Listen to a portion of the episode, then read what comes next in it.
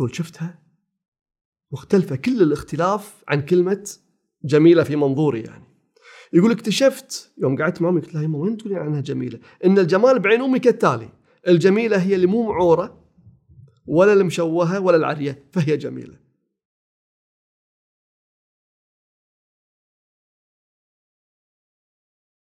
الزواج أهم قرار بالحياة إذا ما كان أصعب قرار بالوقت الحالي. عشان كذي الشباب يلغي فكرة الزواج أو يتأخر في الزواج. راح أسولف اليوم مع الدكتور الحارث المزيدي عن أساس الزواج الناجح. راح نتكلم ونفهم الزواج بشكل أعمق. راح أفهم شنو الزواج الناجح وليش الزواج يفشل. مع الدكتور الحارث المزيدي خذينا جزء كبير من الحلقة نتكلم عن حياته الشخصية المواقف اللي مر فيها وليش اهتم بالعلاقات الزوجية. أتمنى لكم مشاهدة ممتعة وحياكم الله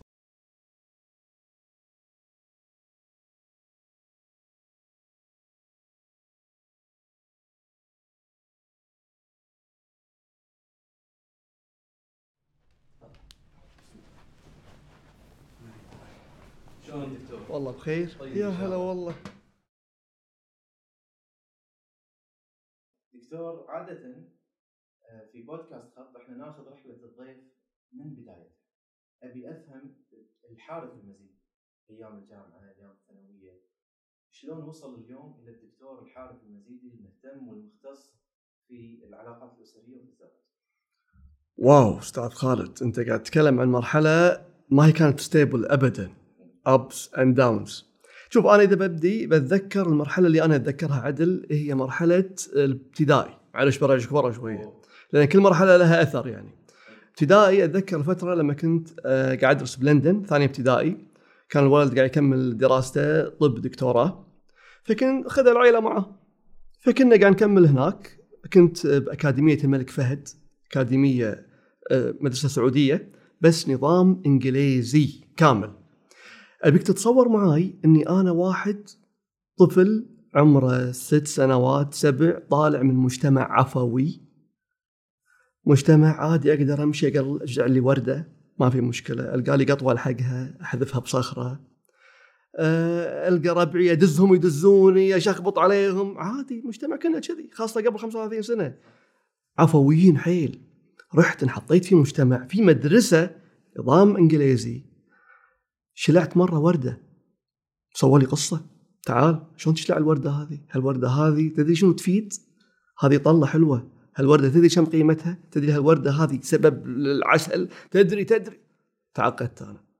وقفوني على كرسي في الممر في المدرسة خمس دقائق عقوبة إي إي أذكر موقف ثاني كنت قاعد مع الطلبه اللي هم تلاميذ اليهال يعني أحد الطلبه كان لابس بلوفر كان بلوفر أخضر. أنا سعودية يعني بلوفر أخضر كنا نلبس على علم السعودية.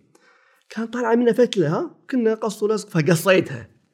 صايدة قصيتها. عرفت الأبلة كانت تناديني شلون تقص هذه؟ شوف شلون افتل انفتل شوي. هذا منو راح يدفع ثمنه؟ كان يوقفوني مرة ثانية على الممر فوق كرسي خمس دقائق هالكرسي أتذكر وقفت عليه خمس ست مرات. كان ينادي ناظر المدرسة الوالد وأذكر اسمه اسمه مستر بلاتس. قال له زيدان your son is careless يعني لا مبالاة عند ولدك. وصح واحد جاي من مجتمع واحد ولد عفوي. تحطونه بنظام كذي؟ كانت مرحلة صعبة بالنسبة لي ترى. اولى ابتدائي كانت بالكويت. ثاني ابتدائي اولى ابتدائي الكويت روضة اولى ابتدائي. الروضه والابتدائي بالكويت. إيه. ثانية ابتدائي كانت؟ ثانية وثالثة بريطانيا. كانت صعبة. كان شيء صعب على نفسيتي. شنو هال الضبط؟ وايد كبير. شنو هالضغط النفسي؟ شنو هالعقوبات؟ تصور معاي. يوم صار عمري 20 سنة صرت حيل منضبط. أراعي الوقت أراعي أهدافي والتزم فيها. عندي صار إحساس بالواجب. آه، أتقيد بالمهام اللي عندي. شخصيتي تغيرت. مو ذاك اللي كان بذاك العمر. يعني تقريبا. وهذا أنا أطلع منه بشيء يعني أقوله حق كل الناس اللي يسمعون. إذا عندك ولد عنده أطباع مو عاجبتك ترى هذا مو معناته إن هالشيء راح يكون لازم لا طول عمره. لا. وفي شغلة في علم النفس يسموه يصفون فيها الشخصية بأنها قابلة للارتقاء، شخصية من صفات الشخصية البني آدم إنها قابلة للارتقاء، يعني يحوشها التعديل والحذف والإضافة. فالإنسان يتغير. فشوف من شخصية لشخصية. فهذا الشيء نقول لهم يبا عيالكم لا إذا شفتوهم والله هذا جبان مثلا ما عجبك هذا عفوي هذا شيطان هذا مزعج. مو معناته هذه صفته لما يكبر. فلا تقسوا عليه. شخصيته راح تتطور وتتغير وتتعدل ومثل ما قلت لك في علم نفس الارتقاء والنمو يذكرون أن الشخصية قابلة للتغير بنسبة كبيرة أثناء الطفولة والمراهقة تقل النسبة مع كبر العمر يعني بعد المراهقة تقل نسبة التغير بس ما صارت موجودة علم النفس يثبت هالشيء فلا تيأس من التغيير ولا تقول والله هذه شخصيتي خلاص هذا أنا لا. كل شيء يتغير للأحسن والأفضل. وهذا مصداق يعني ديننا الحنيف. لما الحديث النبوي يقول إنما بعثت لأتمم مكارم الأخلاق. يعني الأخلاق تتعدل عند الإنسان بعد ما كبر تتحسن تتهذب. فماكو شيء اسمه أنا ما أتغير. كل شيء يتغير. طبعا. يعني الاهتمام اللي شفته بالمدرسة ومن الوالد. صدمة. إي. اي هي اللي خلتك تذكر المواقف هذه ليه هالعمر وتعدل بوايد سلوكيات كانت موجودة بذاك أكيد أكيد. فهذه كانت مرحلة اللي أذكرها عدل مرحلة الابتدائي. مرحلة الابتدائي أثرت وسوت شيء. لها دور. ننتقل إلى مرحلة الثانوية. عقبها رجعت لكم إي رجعنا الكويت وعدينا المتوسط وينا الثانوية. بالثانوية تدري مقررات. وكنا بالمقررات نروح مدرسه مشي. ماكو مثل الحين صاير يوصلك أهلك يوصلونك نروح مدرسه مشي. بس دكتور عشان نوضح إيه. إن نظام المقررات انتهى. المقررات قبل كان إن الطالب الثانوية هو اللي يسوي جدوله. اي وهو اللي يختار تخصصه مع المرشد إذا ما خاب إنزين؟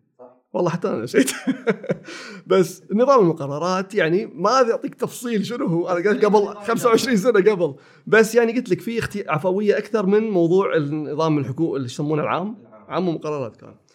فأنا ما بتكلم عن هالشيء الحين. أنا بذكر ذيك الحقبة يعني. قلت لك كنا نروح مدرسة مشي. مدرسة قبل مو مثل الحين. هم في جانب عفوية. تنمر واسع. مهاوش مطاقق الأقوى اللي عنده ربع أكثر. مرحلة وكنا كلها بالفرجان ونطلع ما كان في social media ونقعد في البيت كنا كلها برا يعني. مو مشاكل وايد كانت. فهالفترة وأنا أتكلم عمري 17 16 يعني آخر الثانوية قلت ليش ما أنا أدش فنون قتالية؟ قلت يبا أنا أبيك تشاركني ملاكمة. الوالد قال لي okay كان ياخذني يوديني نادي القادسية. قبل ما في private كله نوادي أندية. فانا قد ساوي. فوداني نادي القادسيه أذكر دشيت أول ما دشيت النادي صالة. مجموعة ملاكمين قشران مبين عليهم. وقاعد يطالعوني أنا والوالد. كأن عيونهم تقول منو هذا؟ الأبيضي الضعيف الدلوع اللي جاي والله لا نعلمه. كذي فهمت أنا. المهم دشيت وكان باص يوديني ويجيبني يعني. ست أشهر. تمرين. أذكر بعد ست أشهر يعني الكابتن قال لي بدخلك بطولة بطولة تخيل على مستوى الكويت. فدشيت أول بطولة قلت حق يبا تعال بك تشوفني. فيا الوالد تخيل حلبة مشجعين. وقالوا لي اللي قدامك ترى من نادي خيطان وأبوه كابتن وهو اللي معاه بالزاوية. دشينا الحلبه أوف سالفة صدق. حلبة كبيرة وما في أحد بالحلبة إلا حكم وهذا قاعد متصدي لك يعني. وناس وتشجيع ويطقطن المساعدان في الخارج الجولة الأولى. صدق السالفة! وبشينا أول جولة لي يعني أنا قبل كنت ألعب بالحلبة بالنادي يعني رعب ضحك. هني صدق! طقني وأطقك. فبلشنا دم دم دم جتني طقة على حجي اطيح بالأرض. أول جولة. كان أقوم على طول. كملت بوم بوم كان تجيني طقة بخشمي كان ينزف خشمي. كان يودوني عند طبيب الحلبة على جنب صك الخشم ورفعه فوق وأشوف الوالد قاعد يطالع. زين. كملنا ثاني جولة. ثالث جولة بوم بوم بوم كان اعطيه طقة كان يطيح بالأرض. طيحته في الأرض. كان يعد الحكم قام بالأخير ما مدى كان تنتهي المباراة الجوله الثالثه ضربة القاضية. واو! الشعور الحلو. يعني فزت باللعبه هذه كان في وراها لعبة ثانية ثالثه اول لعبة. واو! نزلت رافعيني صفقوا لي والحكم رفع إيدي الشعور ذهب. أول ما نزلت كان يشوفني الوالد. اللي صار غلط. قلت له يبا ليش؟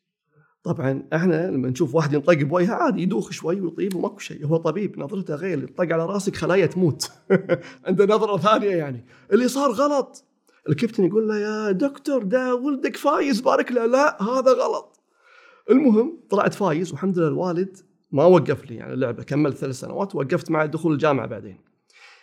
ال إيه قول لي الله يحفظه ابو دكتور والملاكمه واصاباتها ومثل هالموقف اللي صار شلون سمح حق ولده إنه يدخل رياضة فيها هالعنف هذا؟ هو ما كان متصور سالفه كذي.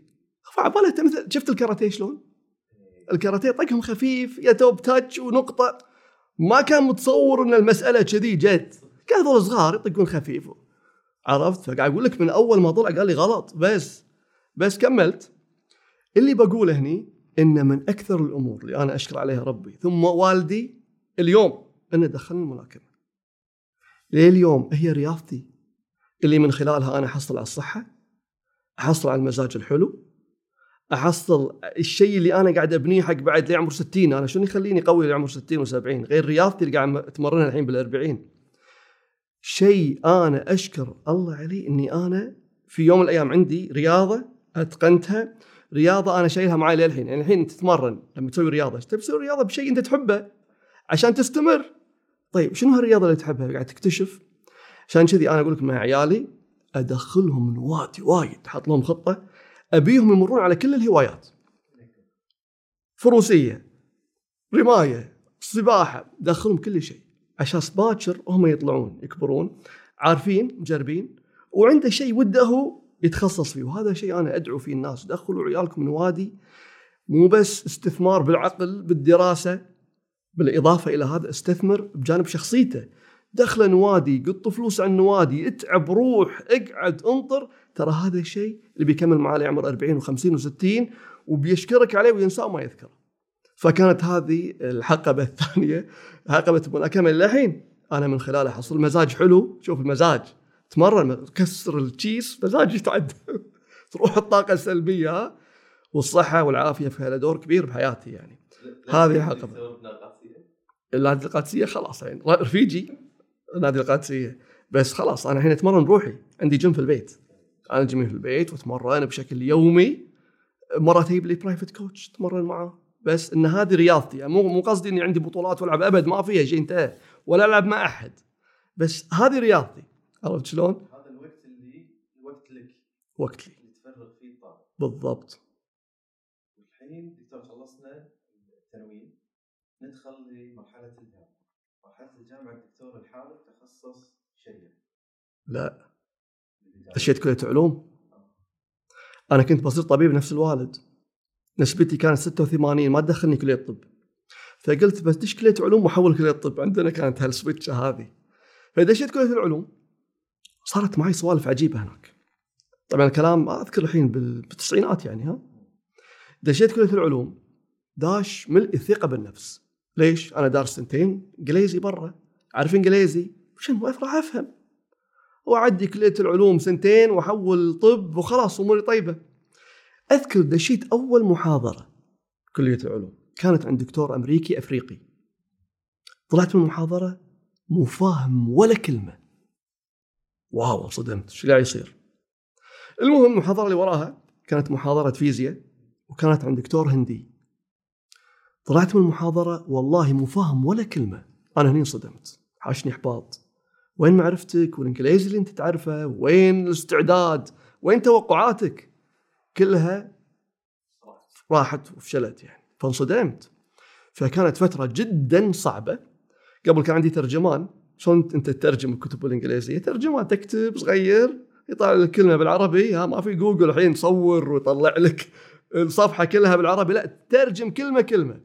كنت أذكر طبعا هديت الملاكمة كنت أذكر باليوم أقعد أدرس خمس ساعات أربع ساعات وأحصل C B C B إحباط. أنت تدرس خمس ساعات وتحصل C B جدا كان الأمر إحباط يعني. اكتشفت بعدين إن المشكلة ما كانت يعني في اللغة الإنجليزية اللي عندي. وإنما كانت في طريقة توصيل المعلومة من الدكتور. طريقة توصيل المعلومة كانت سيئة جدا وهذا عرفته من الزملاء يعني ذاك الوقت إن كنا نشترك تقريبا مع بعض الدكاترة في نفس الاستنتاج يعني.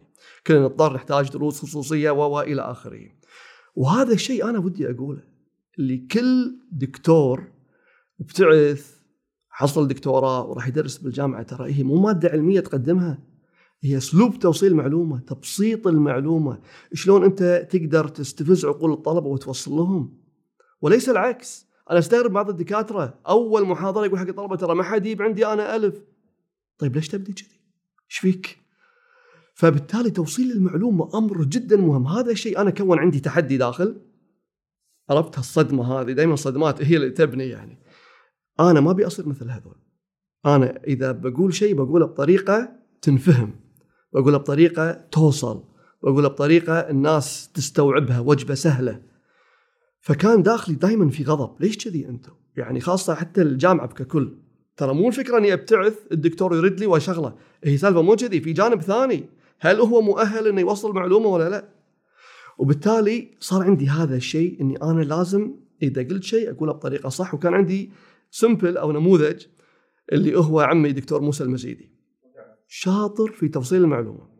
أذكر مرة في كان آه، في الكلية كان في يوم تنويري للطلبة. فدعاني قال لي تعال إيش رايك تسمع كان كلية الهندسة كلية العلوم والهندسة ربع يعني جيران. فحضرت كان مسرح متروس طلبة وكان عميد الكلية قاعد يتكلم كلية الهندسه وقتها. تكلم كلمتين وكلنا هدوء وما لنا خلق ونطالع يمين ويسار. تكلم خمس دقائق خلص كلمته وبدأ الدكتور موسى المزيدي يتكلم. أول ما تكلم ضجت القاعة بالضحك والتفاعل يا جماعة يقول لنا ما شنو كلمة علم؟ ثلاث أحرف. ع لا ميم.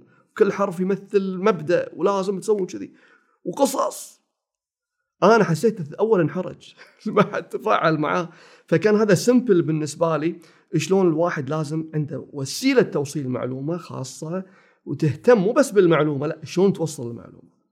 فهذا الشيء أنا استفدته من كلية العلوم. المهم سنتين قضيتها في كليه العلوم بين ال B وال C D مرات إحباط شو ال switch اللي صار؟ كنت رايح أحد المكتبات يوم من الأيام اشتريت لي بعض الكتب وعند المحاسب لقيت شريط كاسيت أيام الكاسيت ما كان في سي دي كان بس كاسيت اسمه مناظرة مع مدعي النبوة شو السالفة؟ أنا كان عمري كم؟ 21 مناظرة مع مدعي النبوة شو السالفة؟ عنوان أول مرة دهشني يعني شنو مدعي النبوه شنو مناظرة أصلا؟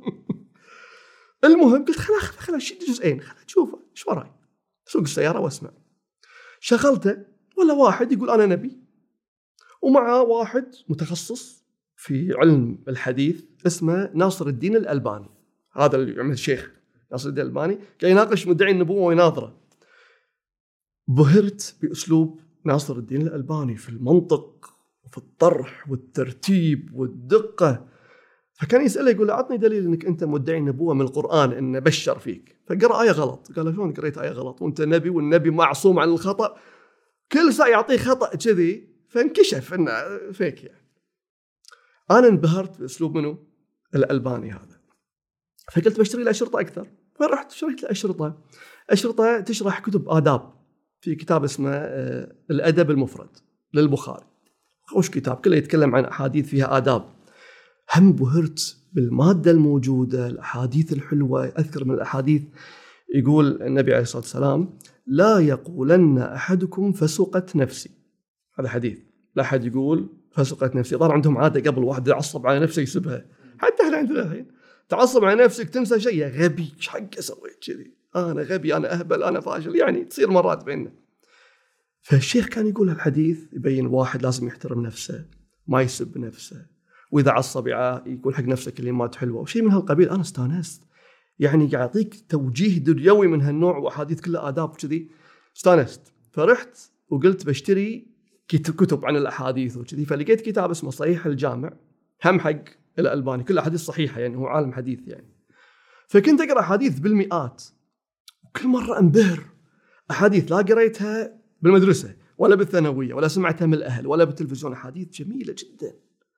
فهذا خلاني أعجب أكثر في الحديث وعلم الحديث وأعطاني وايد يعني انطلاقة وتفتيحة لأمور كان الناس تشوفها غلط قمت أنا أشوفها بطريقة ثانية. من الأحاديث أذكر قريتها بصحيح الجامع صلوا أرحامكم ولو بالسلام. حديث. يعني كنت أقول إذا صله الرحم وشرط أزور وحالتي حالة وودي معي طبق ترى ممكن تليفون. زين.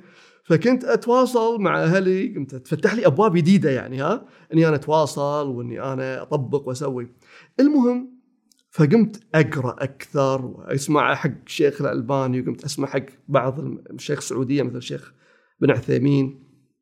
فحبيت هالجانب وحبيت حسيت إنه لامسني وعطاني شيء أنا فاقده لأن بكليه العلوم قاعد أضيع وقتي حسيت قاعد أتعب خمس ساعات في اليوم غير ست ساعات بالجامعة هذه نص يوم قاعد أدرس ما قاعد أستفيد ما قاعد أتعلم عدل يا دوب اقولها في الدراسة وأنسى يعني أو ادي الامتحان وأنسى. ما في شيء يعني لامسني بصراحة. حلو؟ فقلت أنا هذا مو وقت مو مكاني ولا جوي ولا أنا بكمل بكليه العلوم دكتور آه، أنت اللي قررت انك تكون دكتور نفس الوالد ولا كان إي أنا. لا لا أنا. وهو تشجيع منه. زين. فقلت طبعا إحنا عندنا اجتماع أسبوعي بين الأعمام وكذي وأنا علاقتي فيهم قوية اعمامي يعني قلت لهم أنا ترى بغير من كلية العلوم إلى كلية الشريعة. فأكثرهم قالوا لا هذه سنتين. شلون يضيعون من حياتك ومن عمرك؟ يعني هذا كان مدخلهم سنتين أنت. شلون تضيعهم؟ وتبدي من جديد. هذا كله وقت يضيع عليك. ترى باسف الوظيفة والى آخره. قلت لهم أنا مو لاقي نفسي هني خلاص. وقتي قاعد يضيع وجهدي. أنا لقيت نفسي هني وبحول. فكلهم كانوا معترضين نوعا ما. كملت وحولت اخذت أوراقي وتدري ويا تحويل يعني. حولت كلية علوم كلية شريعة حسبوا لي كورس واحد أربع مواد ظهر كانت اختيارية. ثلاث سنوات ونص تخرجت. وهذا أيضا من القرارات اللي أحمد ربي عليه. ها؟ إن الله وفقني والحمد لله زاد خلينا نقول اطمئناني. أكثر شيء استفدته تدري شنو؟ الحين إيش كثر بالسوشيال ميديا في اطروحات دينية وايد. خبصة. أنا إذا مرت علي اطلع مطمئن ما حد يشوشني. يجيك واحد يعطيك شبهة واحد يتكلم عن الدين من ناحية واحد يتكلم عن ايا أي شيء في الدين. أنا ما أتلخبط اسمعها مرتاح أدري إنه خرابيط. أدري ان هذا فيه غلط أدري ان هذا فيه يعني مغالطة أدري ان فيه فرتب لي فكري وشعوري زاد اطمئناني زاد ثقتي. بدين وتدري ديننا داش تفاصيل حياتنا كلها يعني. فشيء وايد زادني اطمئنان وراحة وهو كان مفتاح للخطوه اللي وراها. دكتور هني أنا ودي نركز بس على مرحلة الجامعة. امم لأن في عدد كبير إذا دش الجامعة إي هذه المرحلة العمرية يكون الإنسان شوي مشتت. يعني أنا دشيت الجامعة دشيت الكلية اللي X خذيت لي مادة مادتين ما لقيت نفسي. فتلقى في ناس تأخر حياتهم وفي ناس يسكر باب الجامعة مرة واحدة. فهني اللي صار إن الدكتور الحارث المزيدي سبحان الله طلعت قدامه فرصة وخذها. أه، حتى ما دخلت حق مواد الشريعة قبل لا تحول.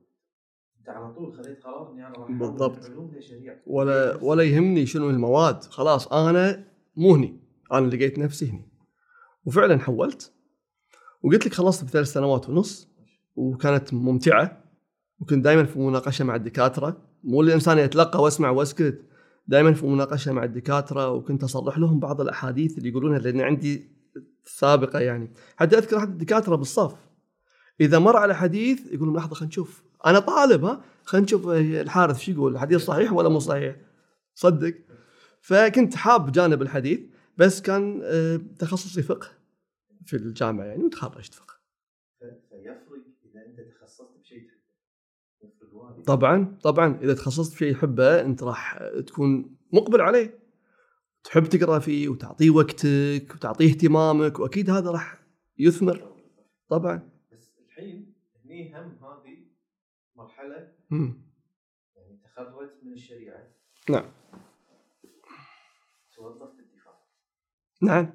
أول ما توظفت آه، لقيت شنو الف... ال- طبعا ما كان عندي ذيك التكتيكات ها؟ قدمت بالديوان ديوان رشح لي دفاع على طول.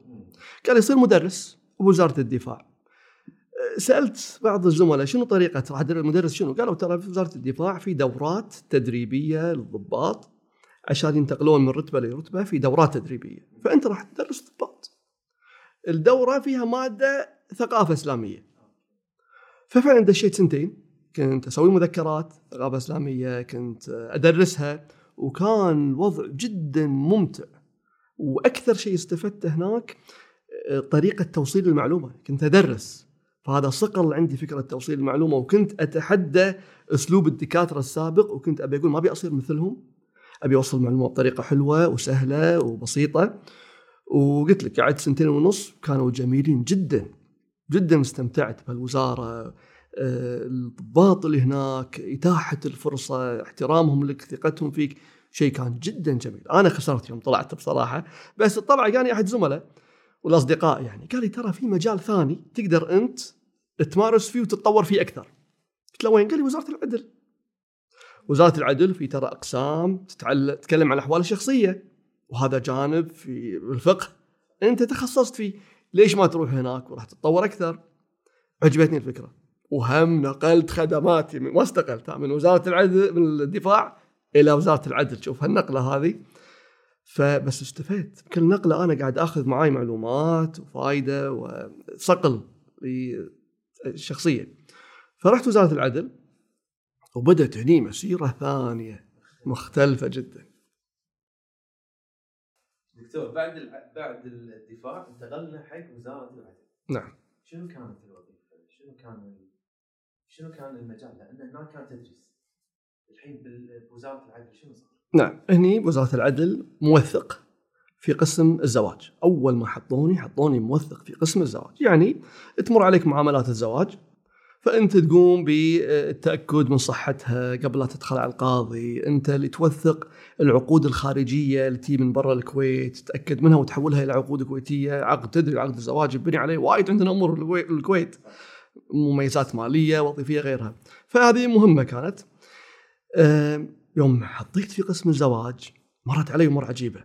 أذكر في أول الفترة. دشوا علينا في قسم الزواج شاب وشابه يبون يتزوجون. هذا كان شيء غريب لأن عادة ما يدشون اثنين يدشون خمسة. شاب شابة ولي أمر شاهدين. هالمرة شاب وشابة داشين فأول ما تشوفهم تعرف هذول ربع. اثنين يحبون بعض ويبون غطاء شرعي لهالزواج يعني. بس ابوها مو راضي هذا المفهوم.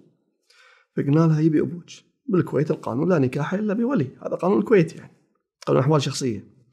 قالت أبوي مو راضي قلت لها حاولي تقنعينا في الوسائل الاجتماعية الموجودة.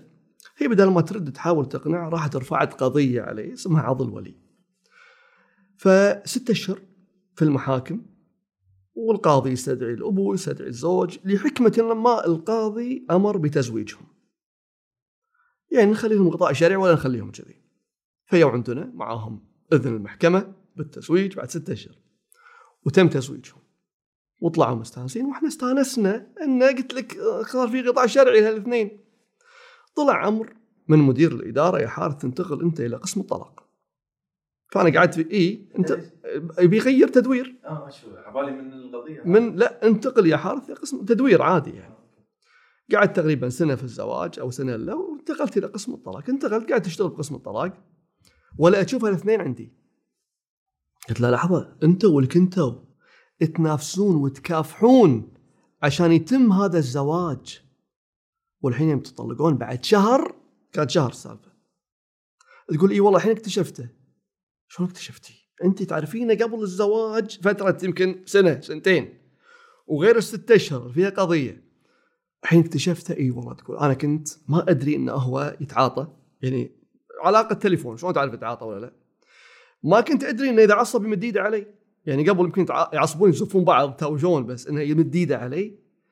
كان يطلع خليني عرفت إنه يوم حصل عليها خلاص ورفيشته طيحه الميانة يسهر ويطلع ويروح. ما احترم العشرة باختصار يعني. ما أبي أكمل معه شهر واحد طلقوا أنا يعني هذا شب لي فلاش. إحنا كنا نسمع قبل أحلى زواج هو الزواج اللي على الحب. تتزوج واحد تعرفه تحبه أحلى. من ما تتزوج واحد ما تعرفه ولا تحبه.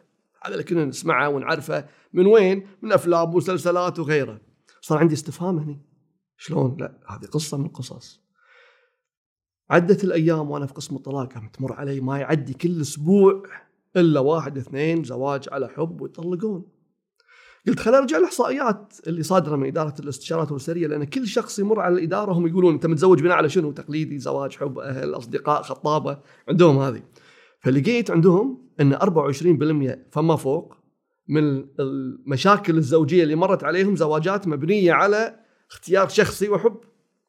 24% وايد. من 6000 24% من 6000 يعني نتكلم كم؟ يعني ربع. ألف وشيء. فهذا شب لي فلاش. إذا المسألة مو مثل ما كنا إحنا نشوفها لماعه كذي. لا في في شغلة ثانية. فقمت أقعد مع الأزواج أسمع منهم أسأل. فتبين لا المسألة مو كذي. تعرف واحدة تحبها تزوجها وخلاص راح تعيش سعيد. وإن الحب هو ضمان سعادة في الزواج. طلع هذا كلام ظاهر. الصج لا. السعاده في الزواج تطابق شخصيات وتناسب. فيمكن أنا أحب واحدة بس عن بعد. ها؟ حب تليفون. ما في مسؤوليات. فالشخصية ما تنكشف عدل. بعد الزواج تنكشف الشخصية أكثر فينصدمون ببعض. عرفت شلون؟ فيصير طلاق يعني. فكان تركيزهم باختصار على الحب مو على التناغم الشخصيات. وبعضهم يقرون. تقول لي تقول لي أنا من قبل أدري إن هذا الشخص فيه أطباع كذي وكذي وكذي مختلفين بس بعد الزواج يمكن يتغير. كله يقولونها بعد الزواج لا بالعكس. بعد الزواج تنكشف الشخصية أكثر. ما يتغير. فبالتالي هذا شيء أعطاني تنبيه وايد حلو بالنسبة لي إن أنا اكتشفت شغلة بالتطبيق العملي مو بال يعني قراءة النظريه وقمت تدري قعدت سنوات أنا قعدت بشغل قسم الطلاق فوق 15 سنة يعني.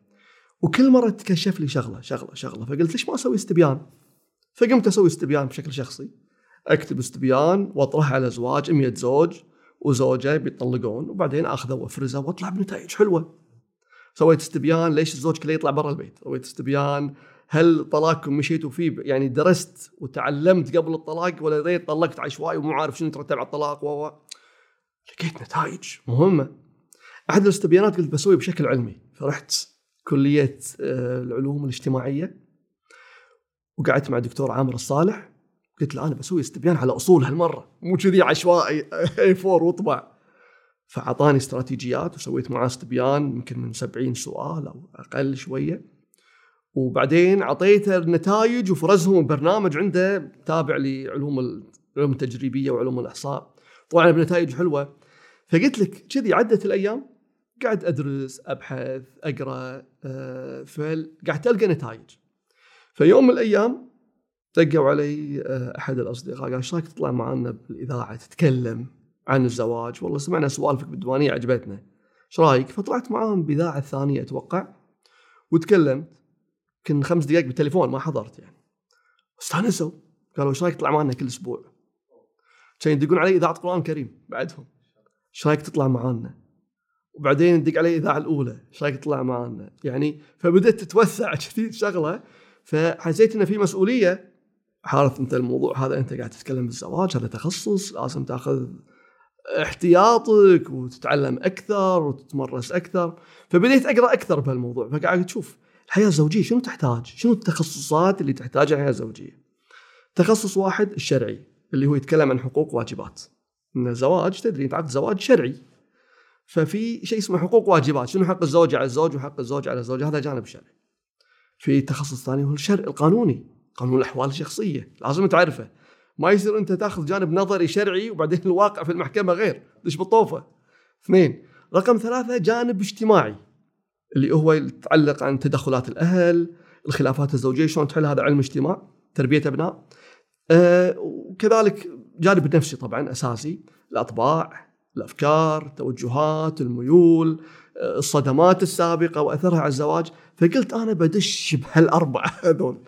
زين فبديت أدش فيهم وكل ما دشيت فيهم توسعت مداركي أكثر لقيت حلول أكثر للأسئلة اللي تنطرح لي.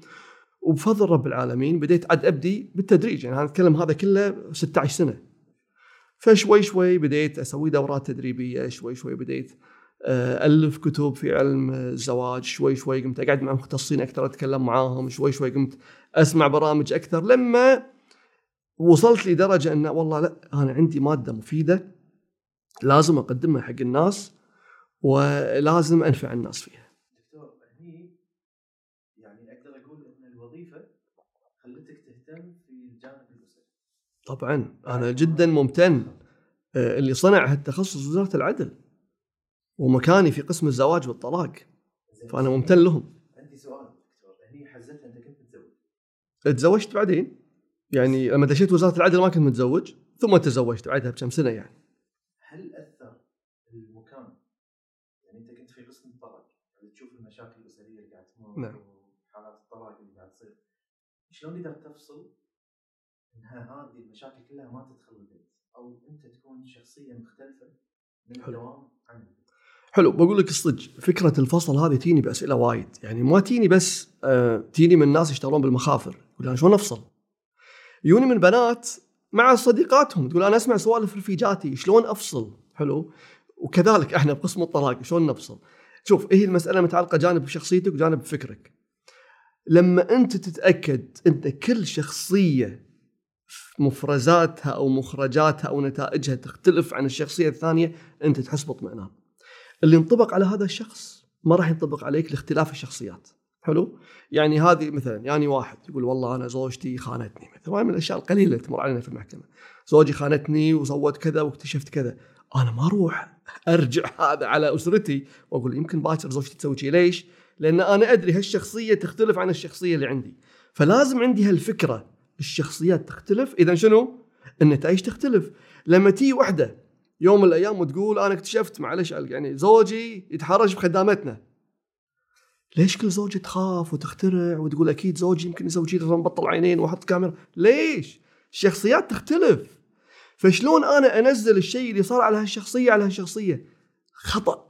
هل هذا يسمونه تمرير استعجال في الاستنتاجات تعميم الاست... خطأ. هذا رقم واحد. رقم اثنين أتوقع راجع لشخصية الإنسان نفسه. إنه ما يكون حساس بدرجة انه كل ما يلامس الآخرين هو عنده خيال خصب إنه قد يلامسه. فلازم يبدأ الإنسان يوقف الخيالات الخطأ وعنده فكرة إن كل شخصية لها نتائجها ومفرزاتها. ما أعمم النتائج. بس أقول لك الصدق شفتيني قصص حيل صعبة في قسم الطلاق. تخليك كم يوم تقعد تفكر كذي. ساهي ثم تتجاوز. شوي شوي. بس لازم عندك فكرة الفصل هذه. إذا ما عندك فكرة الفصل أنت بتتعب. إذا مو من العمل من الأفلام والمسلسلات. إذا مو منهم من اللي تشوفها بالسوشيال ميديا. الفصل بيريحك. وهالكلمة أقولها شخصيات مختلفة إذا النتائج مختلفة. هو هو نظريا الموضوع سهل. بس أعتقد عمليا يحتاج إلى خبرة. يحتاج إلى ممارسة. وممكن صح. تنسى نفسك موضوع صح. موضوعين بس صح. لازم تذكر نفسك إنه تفصل. صح 100% أتفق معك. الحين دكتور بعدها دشينا بمرحلة إن الدكتور الحارث المزيدي يبي يثقف نفسه زيادة ويبي يدرس بكالوريوس مره ثانية. إي نعم نعم هني مثل ما قلت لك لقيت إن علم الحياة الأسرية يحتاج أربع تخصصات. الشرعي موجود، القانوني موجود لاني أنا بوزاره العدل وانتج دورات وايد قانونية فموجود أيضا. باقي الجانب النفسي والإجتماعي وهذا تخصص وكنت أقرأ كتب يعني كنت كل شهر أقرأ لي كتابين ثلاث علم نفس هذا على مدى ثلاث سنوات. بس حسيت إن هذا مو كافي شغلي عشوائي.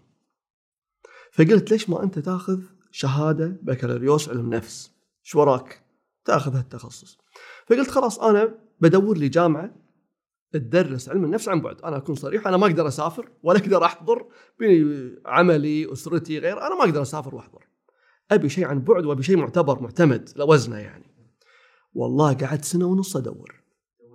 أدور لي جامعة معتبرة. ألقى نتائج وايد بالنت وايد نتائج وأخاف. هل هذه معتبرة؟ مو معتبرة. اعتمادها شنو؟ أدور أدور أدور. قعدت سنة ونص. ليه ما لقيت آه، جامعة القاهرة. جامعه القاهرة جامعة معتمدة. من الجامعات القويه المعترف فيها. جامعة القاهرة عندهم تخصص علم نفس وعندهم شيء اسمه التعليم المدمج اللي هو التعليم عن بعد. وتطلع الشهادة معتمدة من الجامعة. أكون صريح معك مو معتمدة من التعليم العالي عندنا بالكويت لكن معتمدة من الجامعة ومعتمدة من دول أخرى. أنا ما يهمني الاعتماد أنا يهمني العلم والمادة يعني. فقلت هذا أنسب شيء. لاحظ الشهادة مو طالعة من معهد طالعة من جامعة ولها وزن. فدشيت كلية آه، علم النفس جامعة القاهرة نفس المواد اللي يدرسونها وفي فيديوهات شرح بس كله عن بعد والامتحان يكون في مركز بالكويت. يعني انت امتحان مو تمتحن بتليفونك. تروح مركز وفي مراقبة وفي كذا. متى صار بالتليفون؟ بالكورونا بس. صار الامتحان وحتى بالتليفون بقول لك عنه بعد شوي. المهم فدشيت آه أنا الحين سنه ثالثة ما خلصت. زين؟ بس فرق عن اللي كنت أدرسه بروحي. شيء منظم ومؤسس وكتب. أقعد أقرأ كل كتاب ولا اقصى والله تعب وجهد والله. أنا توني مخلص ترى. ست مواد. هذه السنة تقريبا الثالثة ست مواد خلصت. تعب. ست مواد خلصها بست أش... بثلاث أشهر. ثلاث أشهر. ست مواد كل مادة 200 صفحة. تقراهم تلخصهم. تدش امتحان. امتحان ترى مدته ساعة بس. فمتعب الموضوع يعني. فاستفدت وايد. حطيت النقاط على الحروف. الأشياء اللي كنت أسمع فيها قبل هل هي علمية؟ صح؟ هل هذا كلام علمي؟ مستند لمنو؟ من اللي يقول هالكلمة؟ من اللي يقول إن الشخصية ما تنمو؟ من اللي يقول الشخصية لا عند عمر الثلاثين تثبت؟ من يقول هالكلام؟ هل الكلام علمي مو علمي؟ كل هذا اتضح لي بالنسبة لي. حلو؟ يعني مثل ما قلت لك قبل شوي عن الأمور الشرعية لما كانت تمر علي وتشوشني آه، صار الحين ما يشوشني تعلمت الشريعة حتى بعلم النفس كنت أسمع معلومات الياهل إذا كذا بيتعقد يوم قريت الأسس علم طفولة علم نفس النمو والارتقاء كذا كذا حط الأساس. لا متى يتعقد؟ متى ما يتعقد. شنو الشدة اللي تعقد الياهل؟ شنو الشدة اللي ما تعقد الياهل؟ وأشياء من هالقبيل وايد تعلمتها واستفدت منها. والله يستر لي إني أخلص السنة الأخيرة بيسر وسلامة. آمين. آمين. دكتور آه، بعدها صار الاهتمام لا في مؤلفات كتب صار في دورات بعد ما كانت لقاءات بالاداره. نعم نعم. بخصوص الكتب اول تقريبا من اوائل الكتب الكتب اللي ألفتها يعني عمي دكتور موسى المزيدي. قال لي حارث أنا ودي ألف كتاب معك. وكنت توي أنا فترة الماجستير يعني خلصت ماجستير ما وصلت دكتوراه ولا درست علم نفس الحين. قال لي ودي ألف كتاب معك. قال لي نخلي كتاب يتكلم عن المهارات الزوجيه ما ندش بعمق مهارات زوجية وقصص. قصة؟ شنو المهارة الزوجية اللي نستفيدها من هالقصة؟ مهارات كتاب كذي فاكهة مثل ما يقولون. قلت له خلاص يلا أنا معك. وقعدنا مع بعض سنة كاملة. نحط التصور والفكرة والقصص اللي يحطها والقصص اللي يحطها. طبعا ما شاء الله العم أشطر مني فهو خذ تقريبا ثلاث أرباع الكتاب وأنا سويت ربع. بس. وقلت له إيش رأيك؟ نقسم الكتاب كوني أنا متزوج حديثا وشاب توي يعني فأنا بتكلم عن المتزوجين الجدد وأنت تتكلم عن المتزوجين القدام بخبرتك يعني. وفعلا. قسمناها بهالطريقة طلع كتاب اسمه هل أستطيع وكيف أحقق ذلك؟ كأن في نوع من التحدي كذي يعني ها؟ كيف أحقق السعادة الزوجية يعني. فطلع الكتاب والكتاب ما زال موجود يعني كتاب متين وحطينا فيه ألوان وتعبنا عليه. بعد هالكتاب قلت أنا بستقل خلاص. ودائما الإنسان يبدي صغير ويبدي يكبر شوي شوي. فقلت بسوي كتاب هالمرة وبسويه قلت لك عندي أنا مثل هالصدمة مالت حسن توصيل المعلومة. أه، ما أبي أسميها عقده صدمة اللي يكون. عندي شيء داخلي أنا ما أبي أصير مثل هذول الدكاترة اللي ما يعرفون يوصلون المعلومة. أبي أوصل المعلومة بطريقة احترافية سهلة وجبة حلوة. فقمت أسوي مثل الكتاب كل كتابي ما في سرد فقرات. يعني كل صفحه صفحتين فقرة. بعنوان جدا جميل. وأحط بعدين مثل محادثة بين صديقين كوميدية. توضيحا للفقرة فكان كتابي الزواج الذكي.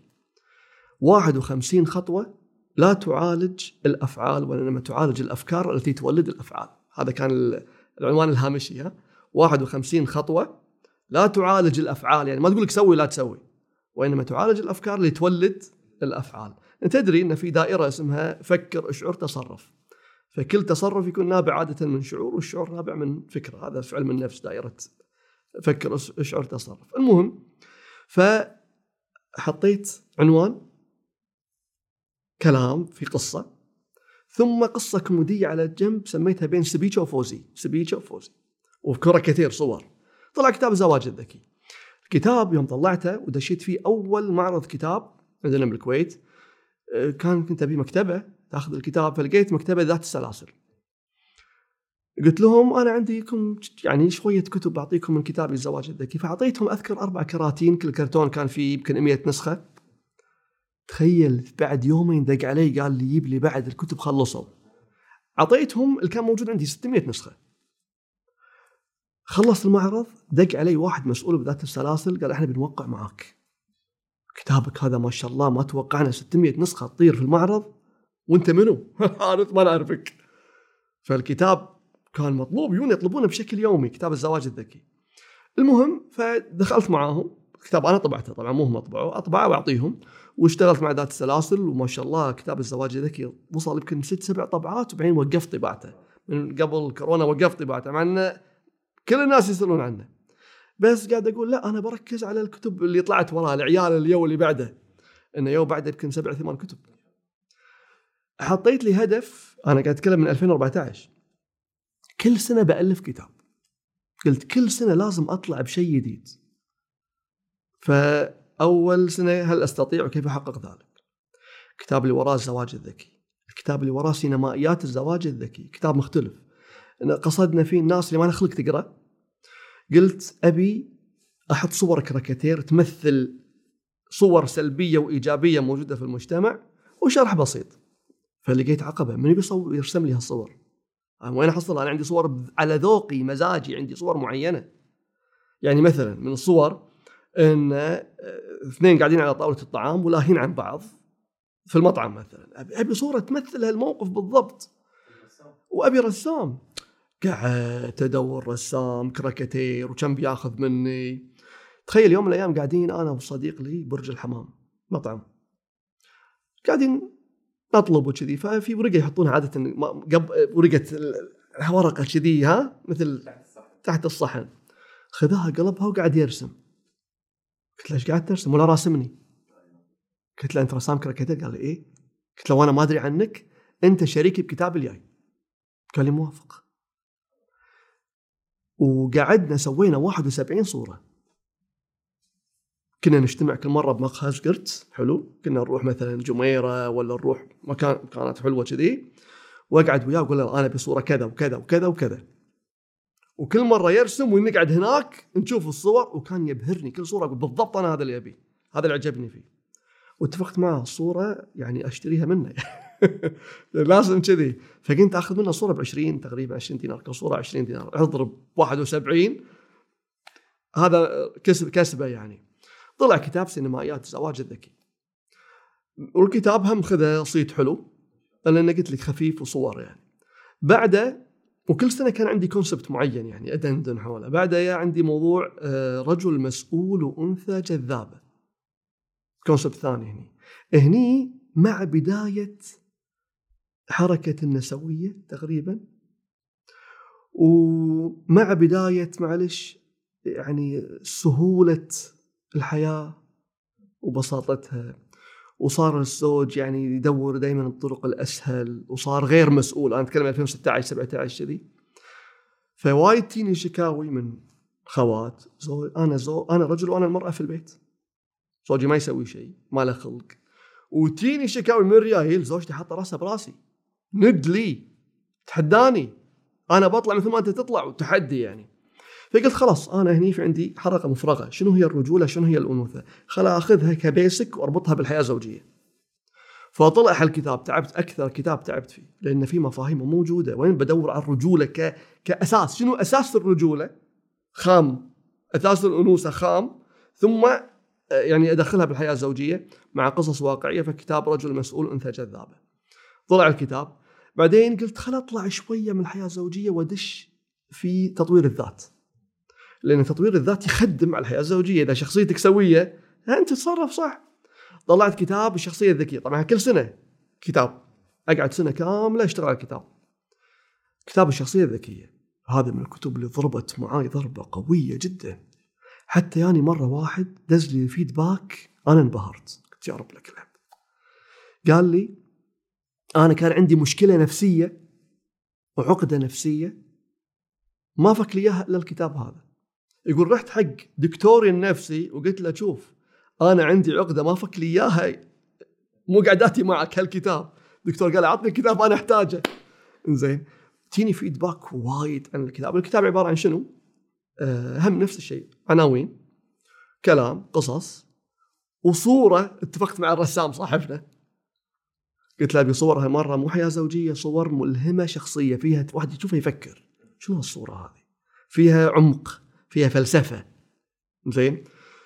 فمثلا من الصور كنا حاطين صورة إن واحد قاعد يدخن وجسمه مربوط بأسلاك والأسلاك داشه بجهاز وطالع ياهل. حلو؟ يبين إن جيناتك تطلع في عيالك. زين؟ هذا شيء موجود في علم الطب ها يسمونه ابيجينيتك إن أنت ممكن تورث الاستعداد لأبنائك يعني في علم الطب وعلم النفس. فكلها كذي أشياء عميقة يعني. فلقيت انطباع وايد قوي من الكتاب لقوا وجبة سهلة خفيفة حلوة من القراء. فهذا من الكتب حيل اللي انتشرت عندي بعد كتاب الزواج الذكي. بعدين يا كتاب آه، واحد عنده عيال وايد تضيع بينهم ها؟ أنا كل كتاب عندي ولد يعتبر من أبنائي. زين؟ يا كتاب آه، لماذا لم أتقبلك؟ شوف عنوانه شوية. والله ترددت وايد يوم أحط العنوان. الحين شوي دشينا بالتنمية لا رديت الحين. تنمية وردينا الحين. زواج. بين الزواج والتنمية مع بعض. لماذا لم أتقبلك؟ زواج. ف كنت بعالج في شغلة كنا نلقاها في المحكمة وايد. في أول سنة زواج. دائما دائما دائما 40% من الطلاقات في أول سنة زواج كانوا يقولون أنا مو متقبلته. أنا مو متقبلها. عدم التقبل عرفت؟ اللي تكون شخصيات نوعا ما متنافرة في الحياة الزوجية ما يتقبلون بعض 40% فقلت أنا بدرس هالموضوع. شنو ما أنا مو متقبلتك. ليش؟ فقعدت أشوف القصص اللي عندي أسجل قصص يعني. وأخذ الاستشارات وكذا اللي تيني. فيمعت 11 سبب لعدم التقبل في أول حياة زوجية. جمعتها في هالكتاب. كتاب مع إنه صغير ها، بس حطيت فيه الأسباب والقصص. يعني أعطيك مثال من أسباب عدم التقبل. لما أدش أنا في الحياة الزوجية وقلبي معلق بواحده ثانية. يعني ما قدرت أتزوجها ولا تركتها. وأحبها. واتزوج واحدة ثانية. شنو تتوقع يصير؟ ما راح اتقبل الثانية هذا مثال يعني. أو حتى لو كنت تارك الأولى لكن ما سويت ترميم. ما فكيت التعلق. فأنا راح أدش وقلبي مو بال mood الجديد يعني ها؟ هذا يسبب نتيجة. شو نتيجتها؟ أنا مو متقبل. من الأسباب إني أنا مو شايف عدل. النظرة ما كانت واضحة خاصة عند بعض. يعني العوائل أو خلينا نتكلم عن بعض. العادات والتقاليد اللي ما يعطون فسحة للنظر والشوفه أذكر من القصص ريانا واحد في المحكمة يقول أنا بطلق. أمس كانت ليلة دخلتي بس أنا ما دخلت. يعني نسألهم صارت الدخلة ولا لا. وبطلق الحين. قلنا لا يعني تبي نساعدك بشيء تبي نوجهك؟ قال لا الأمر ما في مجال. قلت له ليش؟ يقول أنا كنت قايل حق أمي يما أنا أبي واحدة هذه مواصفاتها. بالأخير واحدة حلوة يعني.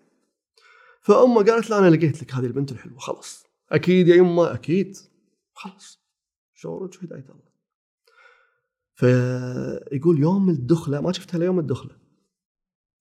يقول شفتها مختلفة كل الاختلاف عن كلمة جميلة في منظوري يعني. يقول اكتشفت يوم قعدت مع أمي قلت لها يما وين تقولين عنها جميلة؟ إن الجمال بعين امي كالتالي الجميلة هي اللي مو معورة ولا المشوهه ولا العرية فهي جميلة. يقول لها يما سالفه مو كذي يعني.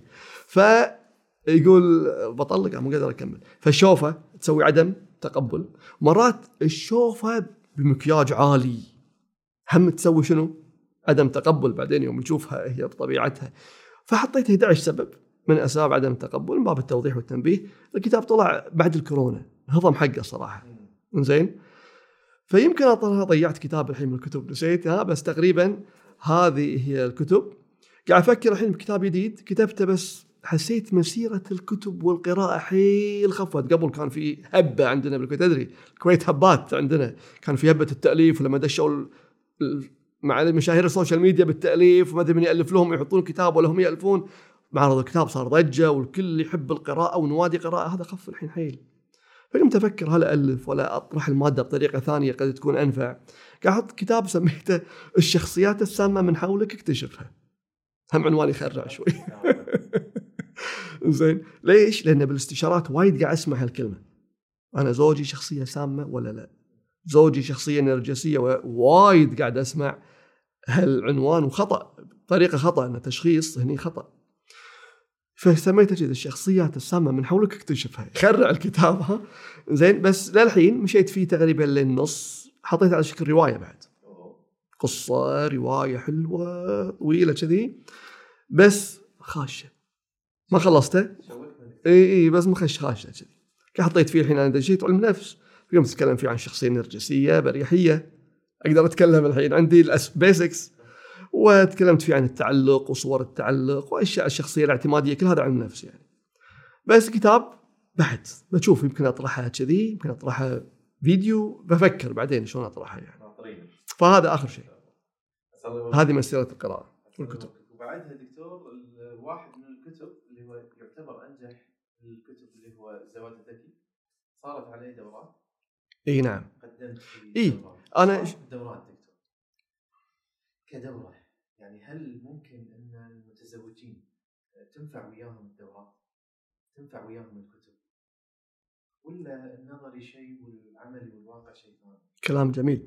شوف خليني أقول لك الدورة الناجحة تحتاج شرطين. مادة علمية واقعية مدرب محترف. غير كذي أنت قاعد تضيع وقتك. أنا أذكر والله دورات حضرتها في جانب المؤسسي. عند دكتور أسبوع كامل تدري يعطونك من أحد إيه، خميس يعني. والله العظيم مو فاهم ولا شيء. كانت مضيعة وقت وهدر للفلوس وهدر لوقت المتدرب ولا شيء. ليش؟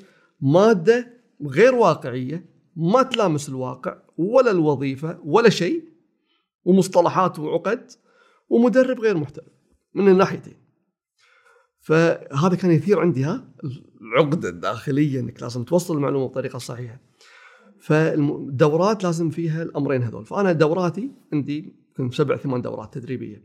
من فكنت كل ما ألف كتاب أنزل دورة بعنوانه بس تختلف عن مضمونه. زين؟ إي بتختلف عن مضمونه بس بنفس عنوانه. فنزلت دوره سميتها الزواج الذكي وكنت أقول دوره تختلف عن مضمون الكتاب. فالدورة لاقت قبول جدا قوي. كنت أطرح الدورة بالسنة 12 مرة وكل مرة تمتلئ أنا قاعد أتكلم عن ثلاث أربع سنوات. قبل كل شهر عندي دورة دورتين. أسويهم عن طريق الشركة عندي شركة الزواج الذكي.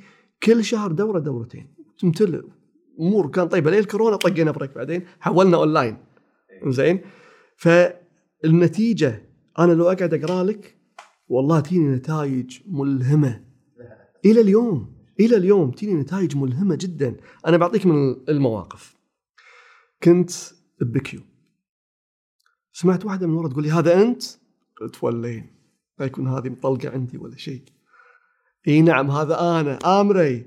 تقول لي خليني أقول لك قصتي. أنا بالفترة تطلقت وانكسرت وتألمت وكنت قاعدة مع صديقاتي فقالوا لي في دورة تدريبية خلينا نحضرها. فتقول حضرت معاهم بالغلط دورة. الدورة شبت لي فلاشات ونبهتني حطت ايدي على الجرح. أنا وين غلطانة؟ وشنو الشيء اللي لازم أغيره؟ ونبهتني على هبة ربانية موجودة عندي إني أنا أيضا عندي حسن إلقاء بس ما كنت أستخدمه. المهم شبت لي فلاشات وايد. صار عندي ثورة فكرية بتقول بعد الدورة. رديت. سنة واحدة تخطيت الألم. سنة ثانية كونت لي مشروع. والحين أنا جدا سعيدة. قلت لها قولي لي هالدورة الله يخليك. خلي أقول حق الناس. قالت دورتك الشخصية الذكية. قلت ما أقول له يا رب لك الحمد. هذه دورة ثانية شخصية الذكيه ها؟ قلت لك عندي كتاب شخصية الذكيه هم سويت دورة. ألقى ردود أفعال ملهمة. أنا أستغرب. طبعا هذا ما يدل إن الدورة بس قوية. في ناس لماحين. في ناس عندهم حاجة. في ناس حس إذا لقى الجواب اللي هو يدور عليه من زمان بس أنا هذا اللي أبيه يروح يسلك على طول. في ناس عندها مرونة شخصية. إذا حصلت الشيء اللي هي فعلا محتاجته من زمان تروح. فكنا في الدورة الشخصيه الذكيه نقول كيف تكتشف هبتك الربانية وتفعلها في حياتك؟ هذه إحدى المحاور محور كامل. فالأخت تقول أنا اكتشفت هبتي الربانية حسن الإلقاء. وفعلتها بحياتي من خلال ال social media الحين أنا أقدم دورات تقول. عندي دورة أقدمها. بسنتين تخيل. لأن هي هبة موجودة عندها. فنرجع مرة ثانية. الدورات إذا كانت واقعية مدرب محترف تلقى نتائج حيل قوية. تختلف النتائج من شخص لشخص شخص. مرن يستفيد وايد. شخص نص مرن يستفيد نص. شخص ما يستفيد لأنه يعني مو مقرر إنه يستفيد أو شخصيته مو مؤهلته بحسب كل واحد ومرونته يعني وحاجته وشغفه للعلم. لكن أنا عندي نوت بالتليفون قلت أنا بسميه آراء يعني الناس في الكتب والدورات. عندي آراء وايد كل ما أكثجل عندي. شيء ملهم وشيء حلو. آه، قبل أسبوع كان عندي دورة شخصية ذكية أونلاين قبل أسبوع. اشتركوا معنا تقريبا 20 شخص. آه، آراء أونلاين دورة أونلاين. أستاذ خالد. ردود أفعال سريعة ملهمة. شيء أنا لو عندي وقت بعد شوي أقرأ لك بعض ردود الأفعال ملهمة عجيبة. فالحمد لله هذا اللي يخلي مسيرة الدورات تستمر. آه بعضها مثل ما قلت لك بعد الكورونا شغلنا أونلاين بس عندي دورات حضور مع وزارة العدل مع مؤسسات خارجية قاعد عندي دورات حضور بس مو مع شركتي لا خففت يعني. إي نعم. دكتور نحط خط ونبلش بالمحور الأساسي. الزواج. دكتور إحنا قاعد نشوف أعمار آه، الشباب قاعد تكبر أو متوسط الأعمار قاعد يزيد في آه، موضوع الزواج. نعم. بس قبل هذا أنا في سؤال أشوفه سؤال وايد كبير انه ليش أتزوج خصوصا في هذا في هذا الوقت؟ اللي كل شيء سهل كل شيء موجود.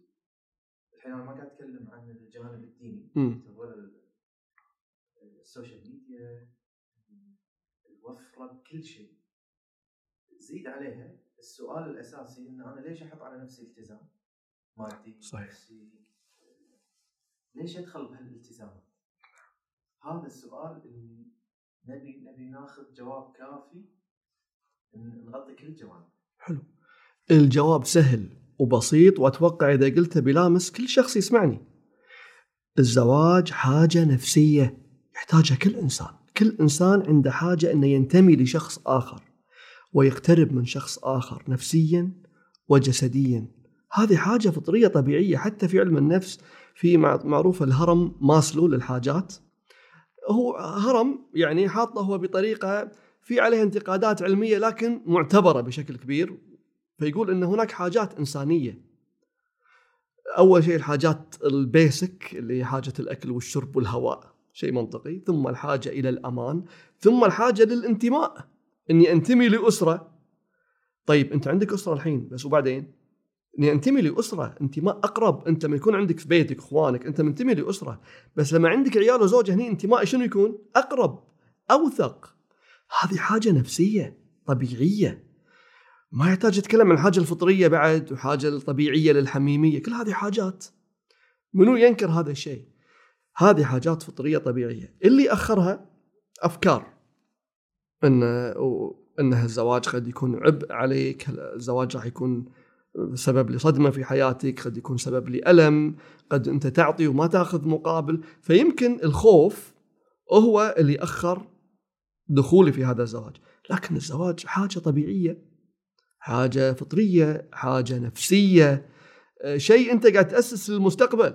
أنت لما تتكلم الحين عن لما يكون عمرك 60 سنة أو 65 أنت وين متصور نفسك؟ يلا جاوبني. أنت وين متصور نفسك لما يكون عمرك 65 سنة؟ عادة الوالد والوالدة بالعمر ما يكونوا موجودين عادة. وإذا موجودين الحمد لله يكونون ضعف صح؟ طيب أنت من راح يكون معك هالفترة؟ هل راح يكون معاك يعني أسرة أخرى أبناء أخوانك؟ كل واحد يكون ببيت وعنده أسرة. فأنت تبي أيضا كوميونتي حوالينك. شيء ما يحتاج إقناع شيء طبيعي يعني. في ناس ما عنده الإحساس هذا بالأهمية هذه له ذلك. ولا نقول له أنت ماشي غلط كيفك؟ أنت تلقى نفسك مو محتاج تلقى نفسك مندمج مع هواياتك واختصاصاتك أو تلقى شخصيتك مو مال الزواج لك ذلك احترم هالشيء. لكن أنا أتكلم حق الإنسان عامة الناس الطبيعيين الزواج حاجة نفسية حاجة فطرية حاجة جسدية الزواج حاجة للإنسان. فهذا اللي يخلي الإنسان يقبل عليه. بس إحنا إذا قلنا حاجة معناته هو شيء أساسي. فإحنا بس نبي نشخص حالة تأخر سن الزواج. فنقدر قلنا الخوف. خلينا نقول الخوف نظرته للزواج بشكل عام. يعني شوف إحنا الشباب مستعدين نقط فلوس على شيء نحس إنه مضمون. ما تشوف الشاب يشتري سيارة ب 30 و40 ألف ويحط له قسط بس عنده سيارة مضمونة. توديني وتجيبني وأكشخ فيها حاط عليها ضمان عدل لكن هو في باله أنا الحين بقط مهر وحفلة وبسافر ويمكن بعد شهر أتطلق أو تطلع هالمرة هذه تكدر حياتي أو تقيدني من ربعي حسب اللي أسمعه. وبالتالي لا أنا ما أبي بنطر شوي خل أشبع من الدنيا واستانس ثم لما أمل أتزوج.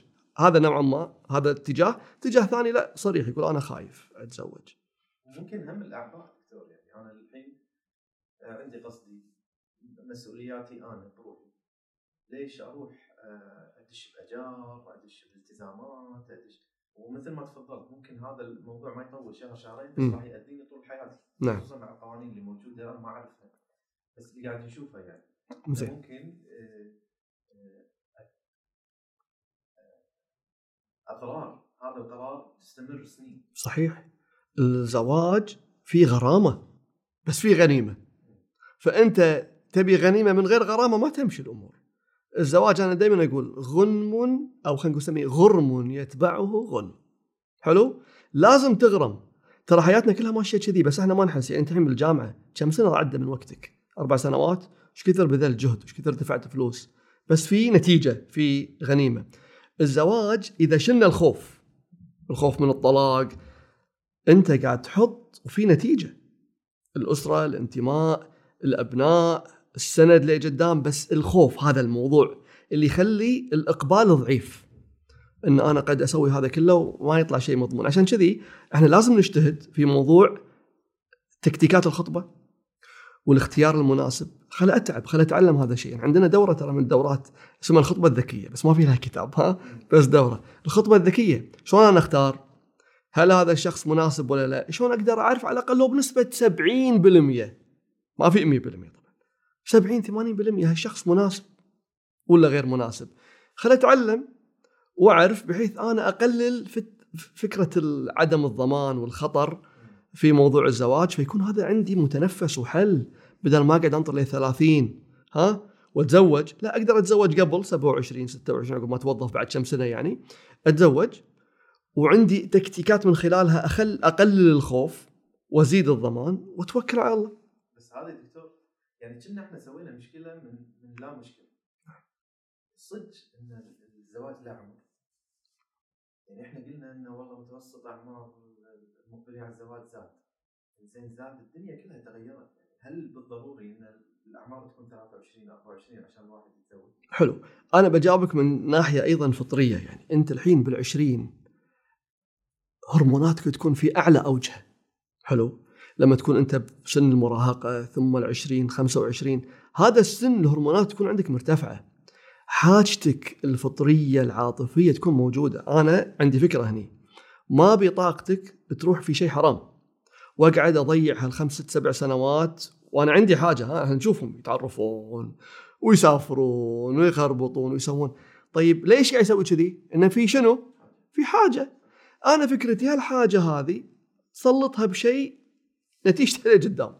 بدل ما تسلطها بشيء ذنب عليك ويمكن سوء سمعة يمكن أمراض ما تدري لوين يعني أضراره يعني. سلطة في شيء في نتيجة بس اختار صح. وسلطة في شيء في نتيجة حلوة لقدام مثل ما نقول إحنا الحين إذا تزوجت مبكر تحصل المميزات المترتبة على الزواج مبكر ها؟ اللي يتزوج عمر 30 متى يحصل بيت؟ يمكن 50 طيب يتزوج بال 20 تحصل بيت. يمكن بداية ال 30 بغض النظر مو هذا الفكرة لكن الفكرة إنك أنت كل ما رحت مبكر كل ما حصلت على الامتيازات من أبناء وعمر الأبناء وغيره ترى الواحد لما يكبر يبدي يمل يصير ثقيل. يعني أنت الحين يلا تزوج 35 كم ياهل تبتي بحط بالك ثلاثة؟ خلينا نتكلم الحين العرف ثلاثة. زين؟ ثلاثة بتجيبهم على كم سنة؟ ورا بعض؟ ولا بين كل واحد سنتين؟ الله كل واحد سنتين. يعني بتجي بالثالث عمرك 43 43 لك خلق؟ ولا خلاص طفيت انت تبي تستانس تبي ترتاح وتطلع. هم لها نظرة أخرى.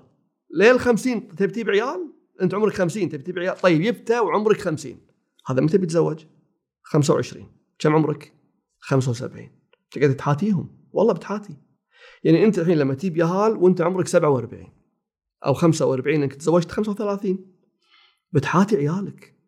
أنت عندك هدف إن أنا عيالي بأسسهم بيمتوظفون يتزوجون. طيب الزواج 25 قلنا خلينا نقول عمر 25 أو على طريقتك خلينا نقول 30 وأنت جبت الياهل عمرك 45 يلا متى راح الياهل يتزوج؟ أنت ب 75 هذا إذا أنت موجود ب 75 فاتتك ملذات ومتع وايد. سبت إن أنا والله بستانس كم سنة وخايف. فالتكتيك معلش أنا أشوفه مو واضح المعالم والفوائد. إني اخر زواجي. لا أنت قاعد طالع زاوية واحدة وقاعد تترك زوايا ثانية سلبية بس قدام بعيد. فقاعد تصير نظرة قاصرة قصيرة يعني. هذه الفكرة. بس دكتور قلت بمقابلة أعتقد إن في آه، أساسيات إذا كانت موجودة طبعا. طبعا. فالفكرة مو بالعمر يعني. الفكرة إن في أشياء إذا أنت أديتها أنا بشيل فكرة إن لازم أنا أتزوج بعد الثلاثين. لا هي مو كذي. في أشياء. الحاجة أول شيء الحاجة قلنا. والقدرة المادية استعداد نفسي. إذا كان موجود أقبل على الزواج. أنا محتاج الزواج عندي قدرة مادية عندي استعداد نفسي. شو اللي مأخرك؟ أقبل على الزواج بس اختار صح عشان تلقى الآثار تلقى النتائج. شلون تختار صح؟ ترى والله إذا خلينا نفترض يعني واحد دقيق. طبيعته دقيق خلينا نقول مثلا مهندس. زين أنا لقيت وايد ما شاء الله مهندسين فيهم دقة. وهذه سمة في علم النفس اسمها يقظة الضمير. من سمات علم النفس في سمات الشخصية في سمة اسمها يقظة الضمير. صاحبها إنسان منضبط متقيد مع الوقت. آه، يحط أهداف ويستمر عليها. يميل للمثالية يقظة الضمير العالية. مهندس يقظة الضمير ايا كان. تزوج واحدة عندها السمة هذه بانخفاض اللي هي العفوية. عفوية غير منضبطة أسير حيثما سارت العرب على قولتهم. هني شو المتوقع؟ صدام. متوقع صدام. ليش؟ وهو يقول لها شوفي أرد من الدوام ألقاها جاهزة أروح الأفينيو نتغدى. وناسة. هو يوصل يقعد ينطر بالساعة نص ساعة. ينطر بالسيارة نص ساعة على ما الأخت توها تبدي تتجهز لأن ما عنده تقيد بالوقت. على ما طلعت هي ركبت السيارة لهم متهاوشين هو متكدر. أنا سايق عندك قاعد أنطر برا نص ساعة لو أنت مهتمة ما خليتيني أنطر نص ساعة. يصير صدام. تخيل هذا في أبسط شيء. قيس عليه باكر الأبناء. هم راح يتصادمون. فهي عادي الياهل أبد الله منبرز بعد نص ساعة بعد ساعة. وهذا ميت محتار لازم كل شيء بوقته. أكلهم حلاوة قبل الغداء ما يصير كذا. صدام في كل شيء. حتى صدام في روحة المطار. أنا أقول لك كلها عن قصص يعني. نتيجة من أسبوع واحد بيكلمني يقول بروحه المطار نتصادم. ليش؟ هي بتروح آخر ساعة وهو بيروح قبل ساعتين ثلاث. كل شيء. فشوف إذا شخصيات متعارضة هني شنو المتنبأ؟ مشاكل. التواصل يصير صعب. فأنا لما في فترة الخطبة أكون عارف هني هني الفكرة. شلون أنا أحصل السعادة؟ مو لازم أتعب. مو لازم أقرأ مو لازم أتعلم مو لازم أعرف شنو شخصيتي. لما أكون أنا مثلا قبل الزواج عمري 25 26 دشيت شيء اسمه اكتشف شخصيتك. حسب the Big Five سمات الخمس الكبرى للشخصية علم نفس شيء مؤثر موثق. وعرفت شخصيتي من خمس أبعاد. هل أنا قلق ولا لا؟ هل أنا منضبط ولا لا؟ هل أنا طيب ولا لا؟ هل أنا عندي خيال خصب ولا لا؟ هل أنا إنسان آه النقطة الخامسة اللي هي اجتماعي ولا انطوائي؟ يعرف نفسه من هالخمسة؟ عرف نفسه عدل. بعدين المرأة اللي بيخطبها من خلال أسئلة بسيطة عفوية يشوف هي وين. فيشوف في تناغم هذه إحدى النقاط. في تناغم بيننا ولا لا؟ إذا لقى تناغم شيء حلو. ما لقى تناغم خلاص دور غيرها. فهني أنا أقلل الفجوة وأقلل ال risk في إني أتزوج واحدة وأتكدر. في طرق إني أقلل ال risk. مو الفكرة إني أتزوج واحدة أنحب وأقعد معها سنين ولا لا أعرف شخصيتي ولا أعرف شخصيتها بعد الزواج نتصادم لا هذا كله مضيعة وقت. التعرف تفضل يعني إحنا دشينا على المحور الثاني. بالمثال اللي ذكرته حضرتك كذي ما صار في فرق بين زواج الحب وزواج الأهل إذا صح التعبير إذا كان الشخص عارف آه، سماته الشخصية أي. وعارف الطرف الثاني فما ينفع أو ما يفرق شنو الطريقة. طبعا. أنا أنا معاك. أنا معاك. حتى الزواج التقليدي أنا أسميه الزواج العمياني هم غلط. سواء زواج تقليدي ولا زواج حب لازم عندي بيسكس أدور عليهم. حلو؟ فما يفرق الطريقة ما يفرق عندي الطريقة. يمكن الزواج عن حب في مزالق بالطريق اكتشفت أنا قلت لك من تجربتي اللي سويتها. الزواج عن طريق الأهل هم في مزالق من الشوفة وغيرها ذكرت لك قبل شوي. كل واحد مختلف في زوايا ثانية. زواج عن حب مختلف عن الزواج التقليدي في زوايا. لكن بالأخير شنو الأهم؟ لا الحب ولا التقليدي هو بيوصلني. اللي بيوصلني إن عندي أسس وعندي بيسكس أبحث عنها. ما يخالف. خلنا من الطريقة السابقة. الطريقة السابقة سمبل شافها عجبته. يعني وبس. هذا حي القديم شافها عجبته انتهى. بعدين الناس بدأت تسأل أسئلة وتقعد قاعدة قاعدتين ثلاث أنا عندي هذا كله أسلوب سطحي وتقليدي ويسوونه الناس اليوم بالتواتر. الأسلوب الصحيح للزواج إني أنا أفهم شخصيتي. أول شيء أكون أنا نفسيا مستعد للزواج. ما عندي عقد نفسية معينة وهذا هم يحتاج أفهم أنا هالشيء. والأهم أني أفهم شخصيتي. من اي ناحيه افهمها the Big Five احفظها السمات الخمس الكبرى للشخصية. بشكل بسيط مو بشكل علمي معمق بسيط. وأحاول أفهم الطرف الثاني من خلال أسئلة بسيطة ممكن أطرحها عليه. فهني على الأقل أعرف شخصياتنا إحنا بعيدة ولا قريبة مع بعض. شنو الصفات إذا اجتمعت تناقضت؟ مثلا زين إذا مثلا اجتمع قلت لك العفوي مع المنضبط تناقض هني. فأفهم هالنقاط وكل هذا موجود عندنا في دورات يعني واحد يمكن يفهمها. أفهمها فاقلل فجوه شنو؟ ال risk. راح يبقى risk. يبقى في 25% يعني دائما أقول مهما بحث سويت توصل 75% فهم للطرف الثاني. يبقى 25% مجهول راح تكتشفه بعدين. فيبقى في risk بس على الأقل اقلل فجوته يعني. إذا بربط الدكتور بداية الحلقة اللي وصلنا له هني إحنا قلنا إن الشخصية تتطور نعم. تتغير. فاذا قلنا إن اثنين تزوجوا قبل لا يعرفون هذه المعلومه نعم. كان في فجوة كبيرة بينهم كانت في مشاكل. نقدر نقول إن مع العشرة راح يتغيرون مع بعض.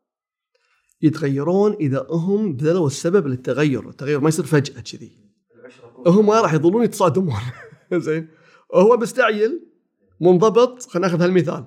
وهي عفوية. وهالمثال راح يطلع مو بزاوية بعدة زوايا اللي يقول السماء هي تسيطر على زوايا الحياة المختلفة وتطلع بكل خلينا نقول المواقف المختلفة. فراح يظل التصادم هذا المتوقع.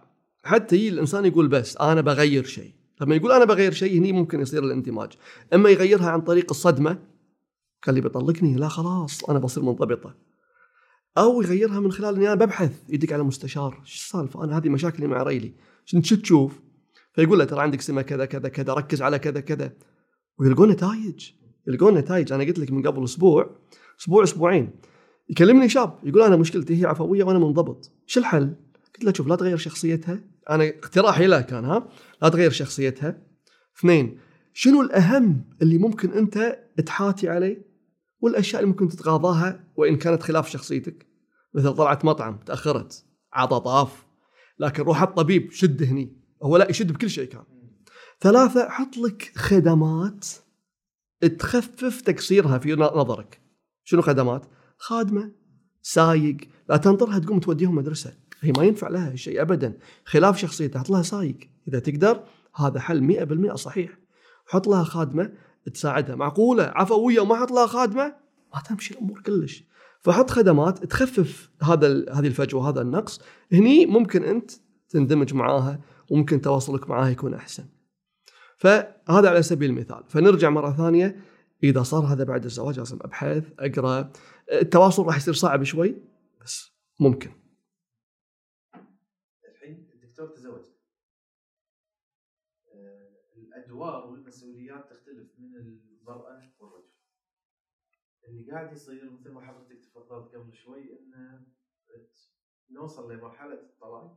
لأن لا الزوج عارف ادواره ومسؤولياته ولا الزوجه عارفه ادوارها ومسؤولياتها فكنا قاعد ندور بدائرة إن الزواج مو مو صدفة. مو يلا انخطبت وبتزوج وبصير زوجة وخلاص. في في دورات لازم تنوخذ. في كتب لازم تنقرأ. وفي تطوير للشخصية وفي تضحيات راح تصير بالحياة الزوجية. إذا إذا قدرنا نسميها تضحيات يعني. آه اللي قاعد يصير بالفترة الجاية. ومن من من خلال وظيفتك. قاعد تشوف إن هذه الأمور قاعدة تقل ولا قاعدة تزيد؟ إن هل بدوا الناس أو الشباب يوعى إن أنا عندي أدوار لازم أسويها؟ وعندي مسؤوليات؟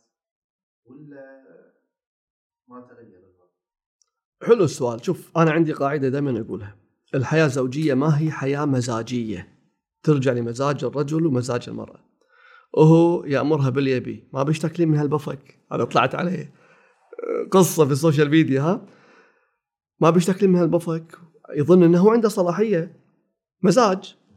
وهي تقول له أنا والله أبي منك جنطة ب 500 دينار أنا أستحق هالشيء. وإذا ما ياب لها تعصب وتصعد الحياة زوجية مو مزاجية. ما ترجع لمزاج الزوج ومزاج الزوجة. هي حياة مرتبة بحقوق وواجبات. لازم نعرفها. لازم نعرف الأشياء الأساسية اللي إحنا نتصلب عندها والأشياء الحبية اللي ناخذها بالطيب والود وما نتصلب عندها. هني في خلط. خالطين الود الأمر الودي بالأمر الأساسي. ها فصاير لخبطة. هذا شيء. الشيء الثاني الأدوار. ترى الأدوار هذا مصطلح بعلم النفس يسمونه ادوار الزوجية. في الشرع يسمونه الحقوق والواجبات متقابلين تقريبا. فالأدوار الزوجية أو الحقوق والواجبات لقيت الناس في الفترة الأخيرة عندها استعداد لتعلمها. هذا شيء الجديد لكن للحين ما في إقبال. واضح ملموس. في استعداد. الناس ودها تتعلم. يعني أنا أتذكر قبل سبع ثمان سنوات لما أقول حق الناس دورات قبل الزواج يقول الله يخليك لا تجبرني ولا تخليها إلزامية. ما كان هالموضوع واضح الحين مع وجود الطلاق وارتفاع الطلاق. الناس يقولون إي نعم قاعد أسمعهم. إي نعم الدورات أمر مهم وأمر مطلوب. يقول لك مهم بس أنا ما أبي أدش بس يعترف إن الدورة مهمة. فبدأت تغير الثقافة بس هذا مو كافي للحين. لازم عندي إقبال تحرك إن السعادة ترى ما راح تحصلها إلا إذا درستها. بس ما عندنا دكتور مصادر وايد. يعني حضرتك تبارك الرحمن عندك الدورات وعندك الكتب. بس هل يعتبر مصدر وحيد؟ في دورات ثانية في دورات معتمدة مثلا من الحكومة قاعد تقدمها؟ في شوف أما إحنا نتكلم عن 8000 9000 مواطن يتزوج بالسنة. إحنا قاعد نتكلم عن شريحة عريضة كبيرة. أنت إذا ما سويت برنامج إلزامي يشمل الجميع أو الأغلبية ما راح تلقى نتائج. موجود الآن في وزارة العدل مشكورين وداعمين هذا الموضوع بقوة دورات اختيارية. اللي يدشها كم واحد؟ خلينا نتكلم بالشهر 50 واحد يدشها؟ هي دورة واحدة وتنعاد. كل شهر مرتين. يعني حتى لو دورة واحدة أنا أول مرة اي في دورة. أمر حديث. تو صار بشهر 6 آه، وزارة العدل مشكورة أطلقت دورات وفاق. دورة مجانية تشمل الزوايا الأربعة اللي تحتاجها الحياة الزوجية شرع قانون نفس اجتماع. يقدمونها دكاترة نفسيين وشرعيين وقانونيين واجتماعيين على مدى يومين. وبمكان مناسب وشيء حلو ومجانية. هالدورة برا تدفع لها فلوس مبالغ تاخذها مجانية. من شهر 6 للحين يمكن اشتركوا فيها للحين فوق 200 شخص. ذكر وأنثى لكن أنت متكلم عن 200 شخص. إحنا قاعد نتكلم 9000 حالة زواج بالسنة. هذا يدعم على المدى البعيد. بس أنت إذا تبي تأثير أنت لازم توسع الشريحة. توسعها. توزيعها بالإلزام. مو شرط إلزام قبل الزواج. ممكن تلزمهم بطريقة ثانية مثل دولة الإمارات العربية المتحدة. عندهم صندوق الزواج عندهم منحة سبعين ألف درهم تقدم منحة كاملة. ها مو قرض سبعين ألف منحة كاملة تقدم بشرط اجتياز خمس دورات أو خمس أيام دورة تأخذها ممكن بعد الزواج. تخصصات جدا الإدارة المالية الشخصية التربية خلافات أشياء حيل حساسة. فخمس دورات على مدى خمس أسابيع تخلصها تأخذ المنحة. فأنا هني ألزمتهم بطريقة إيش؟ طريقة تشجيعية بس وسعت الشريحة. فنتمنى إنه يصير هذا الشيء. وتدري هذا الشيء ما يصير إلا بتشريع والتشريع ما هو إلا بمجلس أمة. فلازم يقتنعون آه، الأعضاء بأهمية هذا الشيء وإن هذا الشيء ما له دخل فيه إني أنا بتحكم بحريات الناس. لا أنا هني قاعد أقيهم كثير من المشاكل المتوقعة. تدري الطلاق مشاكل على الذرية على النفسية مشاكل مادية كثيرة. فأنا يعني أحاول أخفف الفجوة هذه من خلال إني ألزمهم بدورات والوقاية خير من علاج. دكتور إيش رأيك بالزواج غير المواطن أو المواطن؟ نعم. يعني يتزوج من أجنبي أو تتزوج من أجنبي. حلو. هذا شيء موجود عندنا بدوله الكويت كإحصائيات تقريبا عندنا 19% من حالات الزواج اللي تصير بالسنة من آه، غير مواطنات الكويتي وغير مواطنة. يعني عندنا 9000 تقريبا إلى 10000 حالة زواج من الشباب الكويتيين أو الذكور. منها 9000 1500 تقريبا من غير الكويتيات. بس لاحظ هال 1500 شنو تقسيمتهم؟ نصهم دول الخليج ولما تتزوج من دول الخليج أنت ما طلعت برا. خذيت من أهلك و... وناسك يعني. والنص الثاني من دول عربية. ثم دول أجنبية. فما قاعد ألحظ إن الأمر يعني مثل ما نقول 50 50 ما قاعد أشوف في إعراض عن المرأة الكويتية وإقبال على المرأة الأجنبية. نسبة طبيعية وموجودة وعادية. خاصه قلت لك إن أكثرهم دول الخليج تأثير دكتور هل حالة الطلاق في زايدة تأثير على العيال على الزوج على الزوجة على المجتمع بشكل عام؟ آه، شوف أنت قاعد تتكلم عن شريحة صغيرة. الزوج اللي يروح يسافر برا دول عربية أو غيرها ويتزوج. بنت موجودة هناك مو موجودة بالكويت أجنبية مثلا موجودة وأهلها موجودين تزوج هناك. بعدين إذا صار طلاق هنا في مشكلة. الأبناء هذول الأبناء الكويتيين وين راح يروحون؟ هل راح يقعدون ذيك الديرة ولا يقعدون هني؟ هذا هذه قد تكون مشكلة يعني. لكن ما قاعد ألحظ.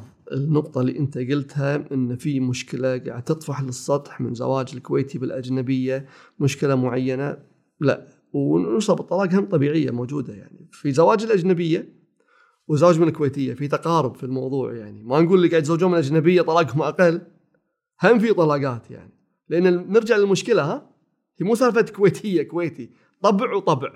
هالطبع من وين ما جبته ينتج نفس المشكلة. يعني أنا إذا بتكلم معك بشفافيه مثلا الحين الزواج من المرأة المغربية. الرجال المغربية و90 نعم فيهم إخواننا وأصدقائنا. في كلام وايد اليوم إذا تزوجت من مغربية هذا راح يكون سبب لسعادتك والمغربية مختلفة ونلقى هالصيت وهالسمعة يعني. أنا رجعت الإحصائيات. باختصار ها تقريبا بالسنة في 100 حالة زواج كويتي أغربي بس 100 100 وشيء وفي 50 حالة طلاق كويتي مغربية. إيش رأيك؟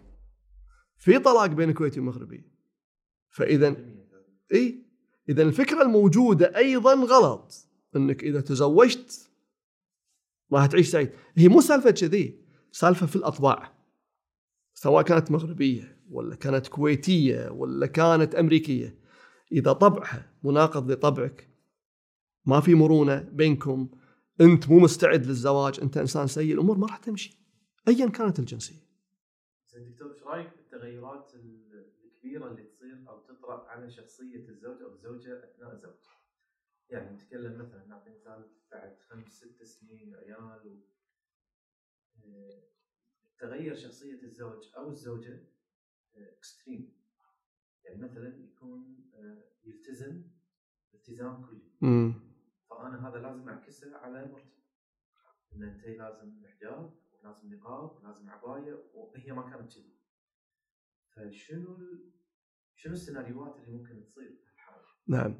سؤالك مهم. أنا بحط له عنوان بسميه الهبات الجديدة اللي تطرأ في حياة الزوجين عشان نوسع الموضوع ها؟ فجأة تقول صارت له هبة قام يعتني بشكله ويعتني بجسمه ويروح الجيم. وتقول لي لقيته يبحث عن شد الوي عمليات وهو بالخمسين. إيش وراك أنت؟ فتبدي تشك فيه وتحاتي. هذا مثال. مثال ثاني تقول بدا والله أشرى له سيكل وقام يطلع بسياكل انت عمرك 40 50 سنة إيش لك بالسياكل يبا؟ إيش عندك؟ إيش وراك؟ تبي تلفت؟ انت مرة تفكر يعني. أو هي هي تبدي خلاص أنا الحين صار عمري 40 وربيت لك عيالك لا تقول لي لا تروحين وتعالي وقعدي. أنا بطلع مع رفيجاتي بروح نادي مثلا. بعد النادي عندي me time بقعد وبسوي. لا تقعد تقيدني. هذا إحنا نسميه تغير في السلوك. هذا موجود في الأحصائية عندنا بوزاره العدل. شيء اسمه تغير في السلوك. وأنا قاعد أتكلم معك بصفة شخصية مو ممثل عن وزارة العدل تراها. بس هذه إحصائيات موجودة ومطروحة. تغير في السلوك. إن بعد سنوات من الزواج يصير تغير في سلوك أحد الطرفين سواء بالتدين ولا الإقبال على الطلعات ولا الإقبال على العناية بالجسم. ايا كان هذا يسوي ربكة كبيرة. فلازم أنا أنتبه هني لما يصير عندي تغير فكري ولا تغير سلوكي لازم أنتبه إن هذه مرحلة حيل حساسة وحيل مؤثرة. راح تثير شك راح تثير صدامات. وأنا أتكلم قبل أسبوع. والله اخت قاعد تكلمني إن زوجي تدين وبدأ يدقق على لبسي الحين. بدأ يدقق على لبسي. وقاعد ادش بصدامات وقمت أكره نفسي وبفكر أتطلق منه يعني. فهالأمور فعلا مثار مشكلة تغير في السلوك. فلازم أنا أنتبه لما تصير الهبة الجديدة هذه. يعني خلينا نحط قاعدة صغيرة. لما تصير هبة جديدة بتشوف الهبة هذه ماشية بطريق خطأ. في مفسدة في ضرر يعني تغير سلوكه قام يشرب ويتعاطى. هني عندي خطر مفسدة. تغير سلوكه قام يلعب قمار ويضيع فلوسه في مفسدة في خطر. تغير سلوكه قام يسوق سيكل. خليه يسوق سيكل. شو المشكلة؟ وين المفسدة؟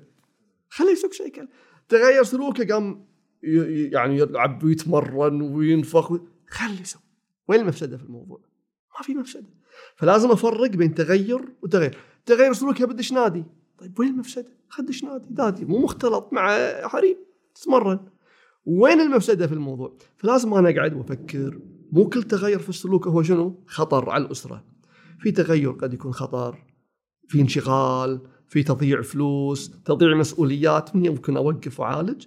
في تغير ما يؤدي إلى هذا بس يثير عندي شنو؟ أفكار وتساؤلات فلازم أعالجها مع نفسي. ما أنا يعني أخرب حياتي الزوجية والاستقرار بسبب هالتغير هذا.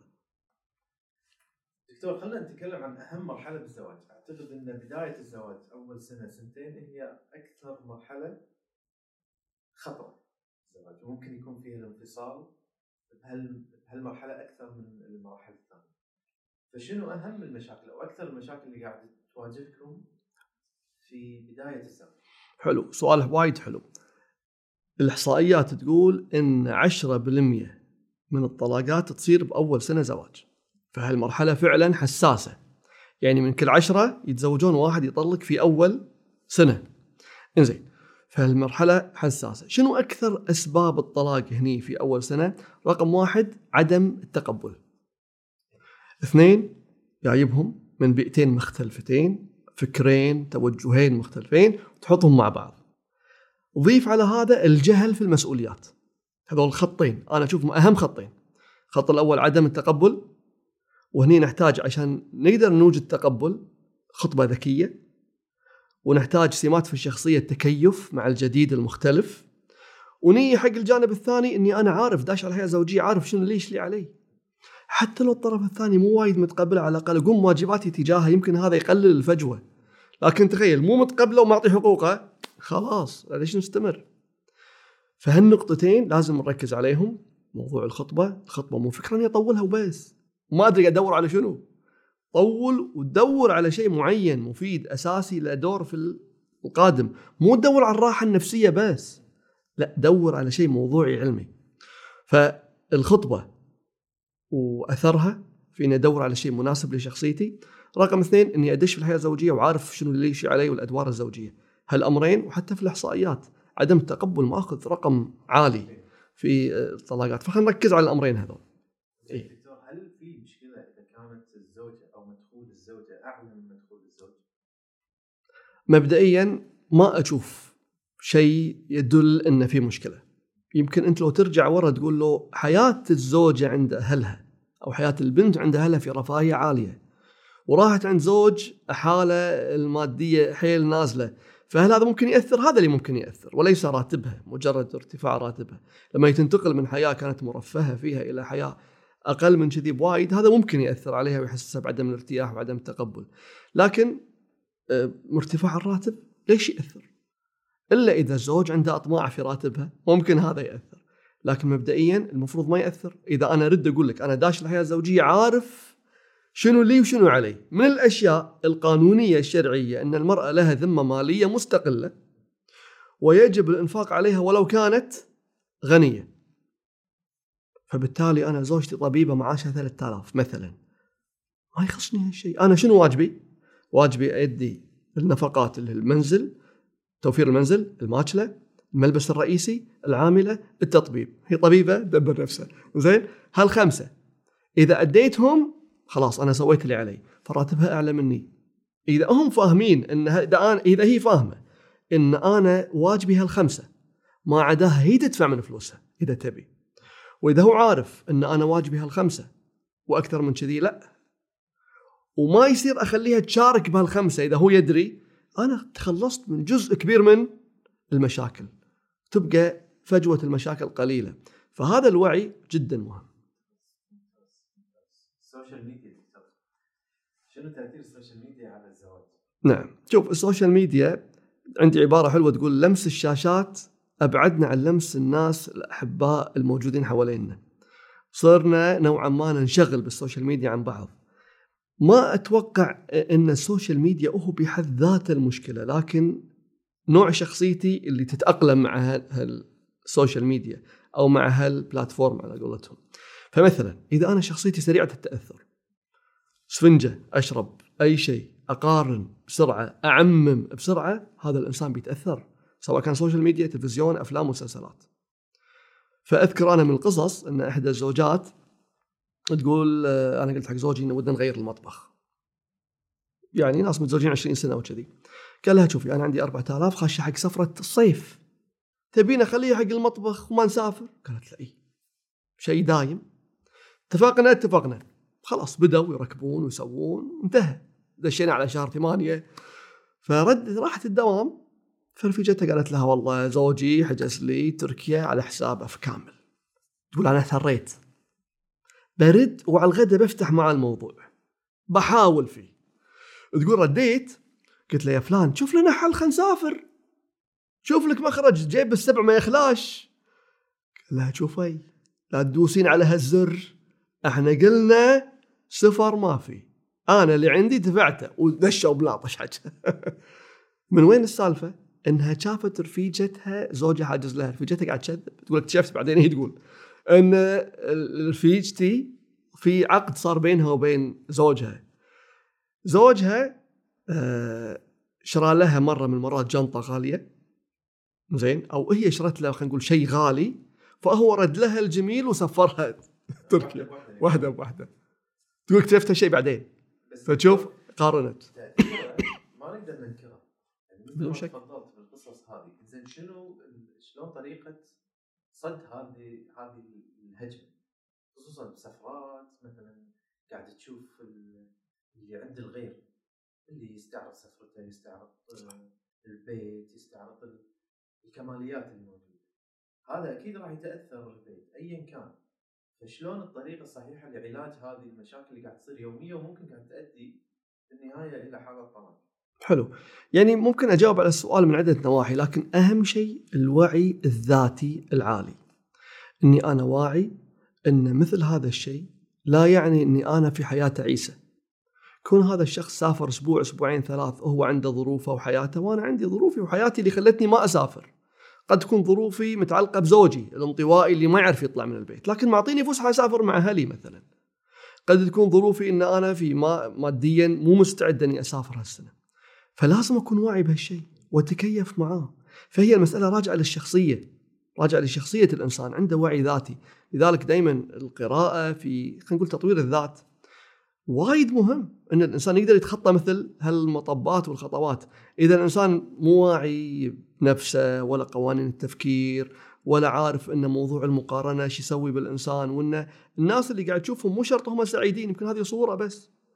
إذا عندي هالفهم واضح ما تأثر. يعني أذكر مرة واحد قاعد يصور منظر جدا جميل.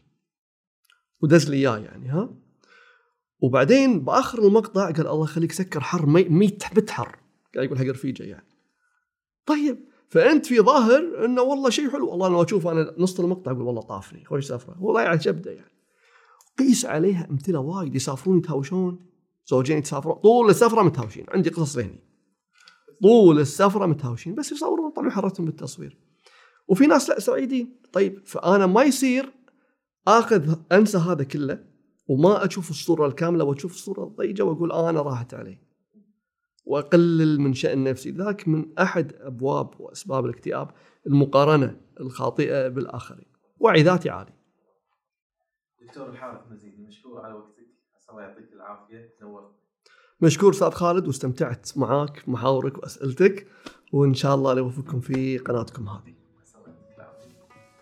الله يسلمك.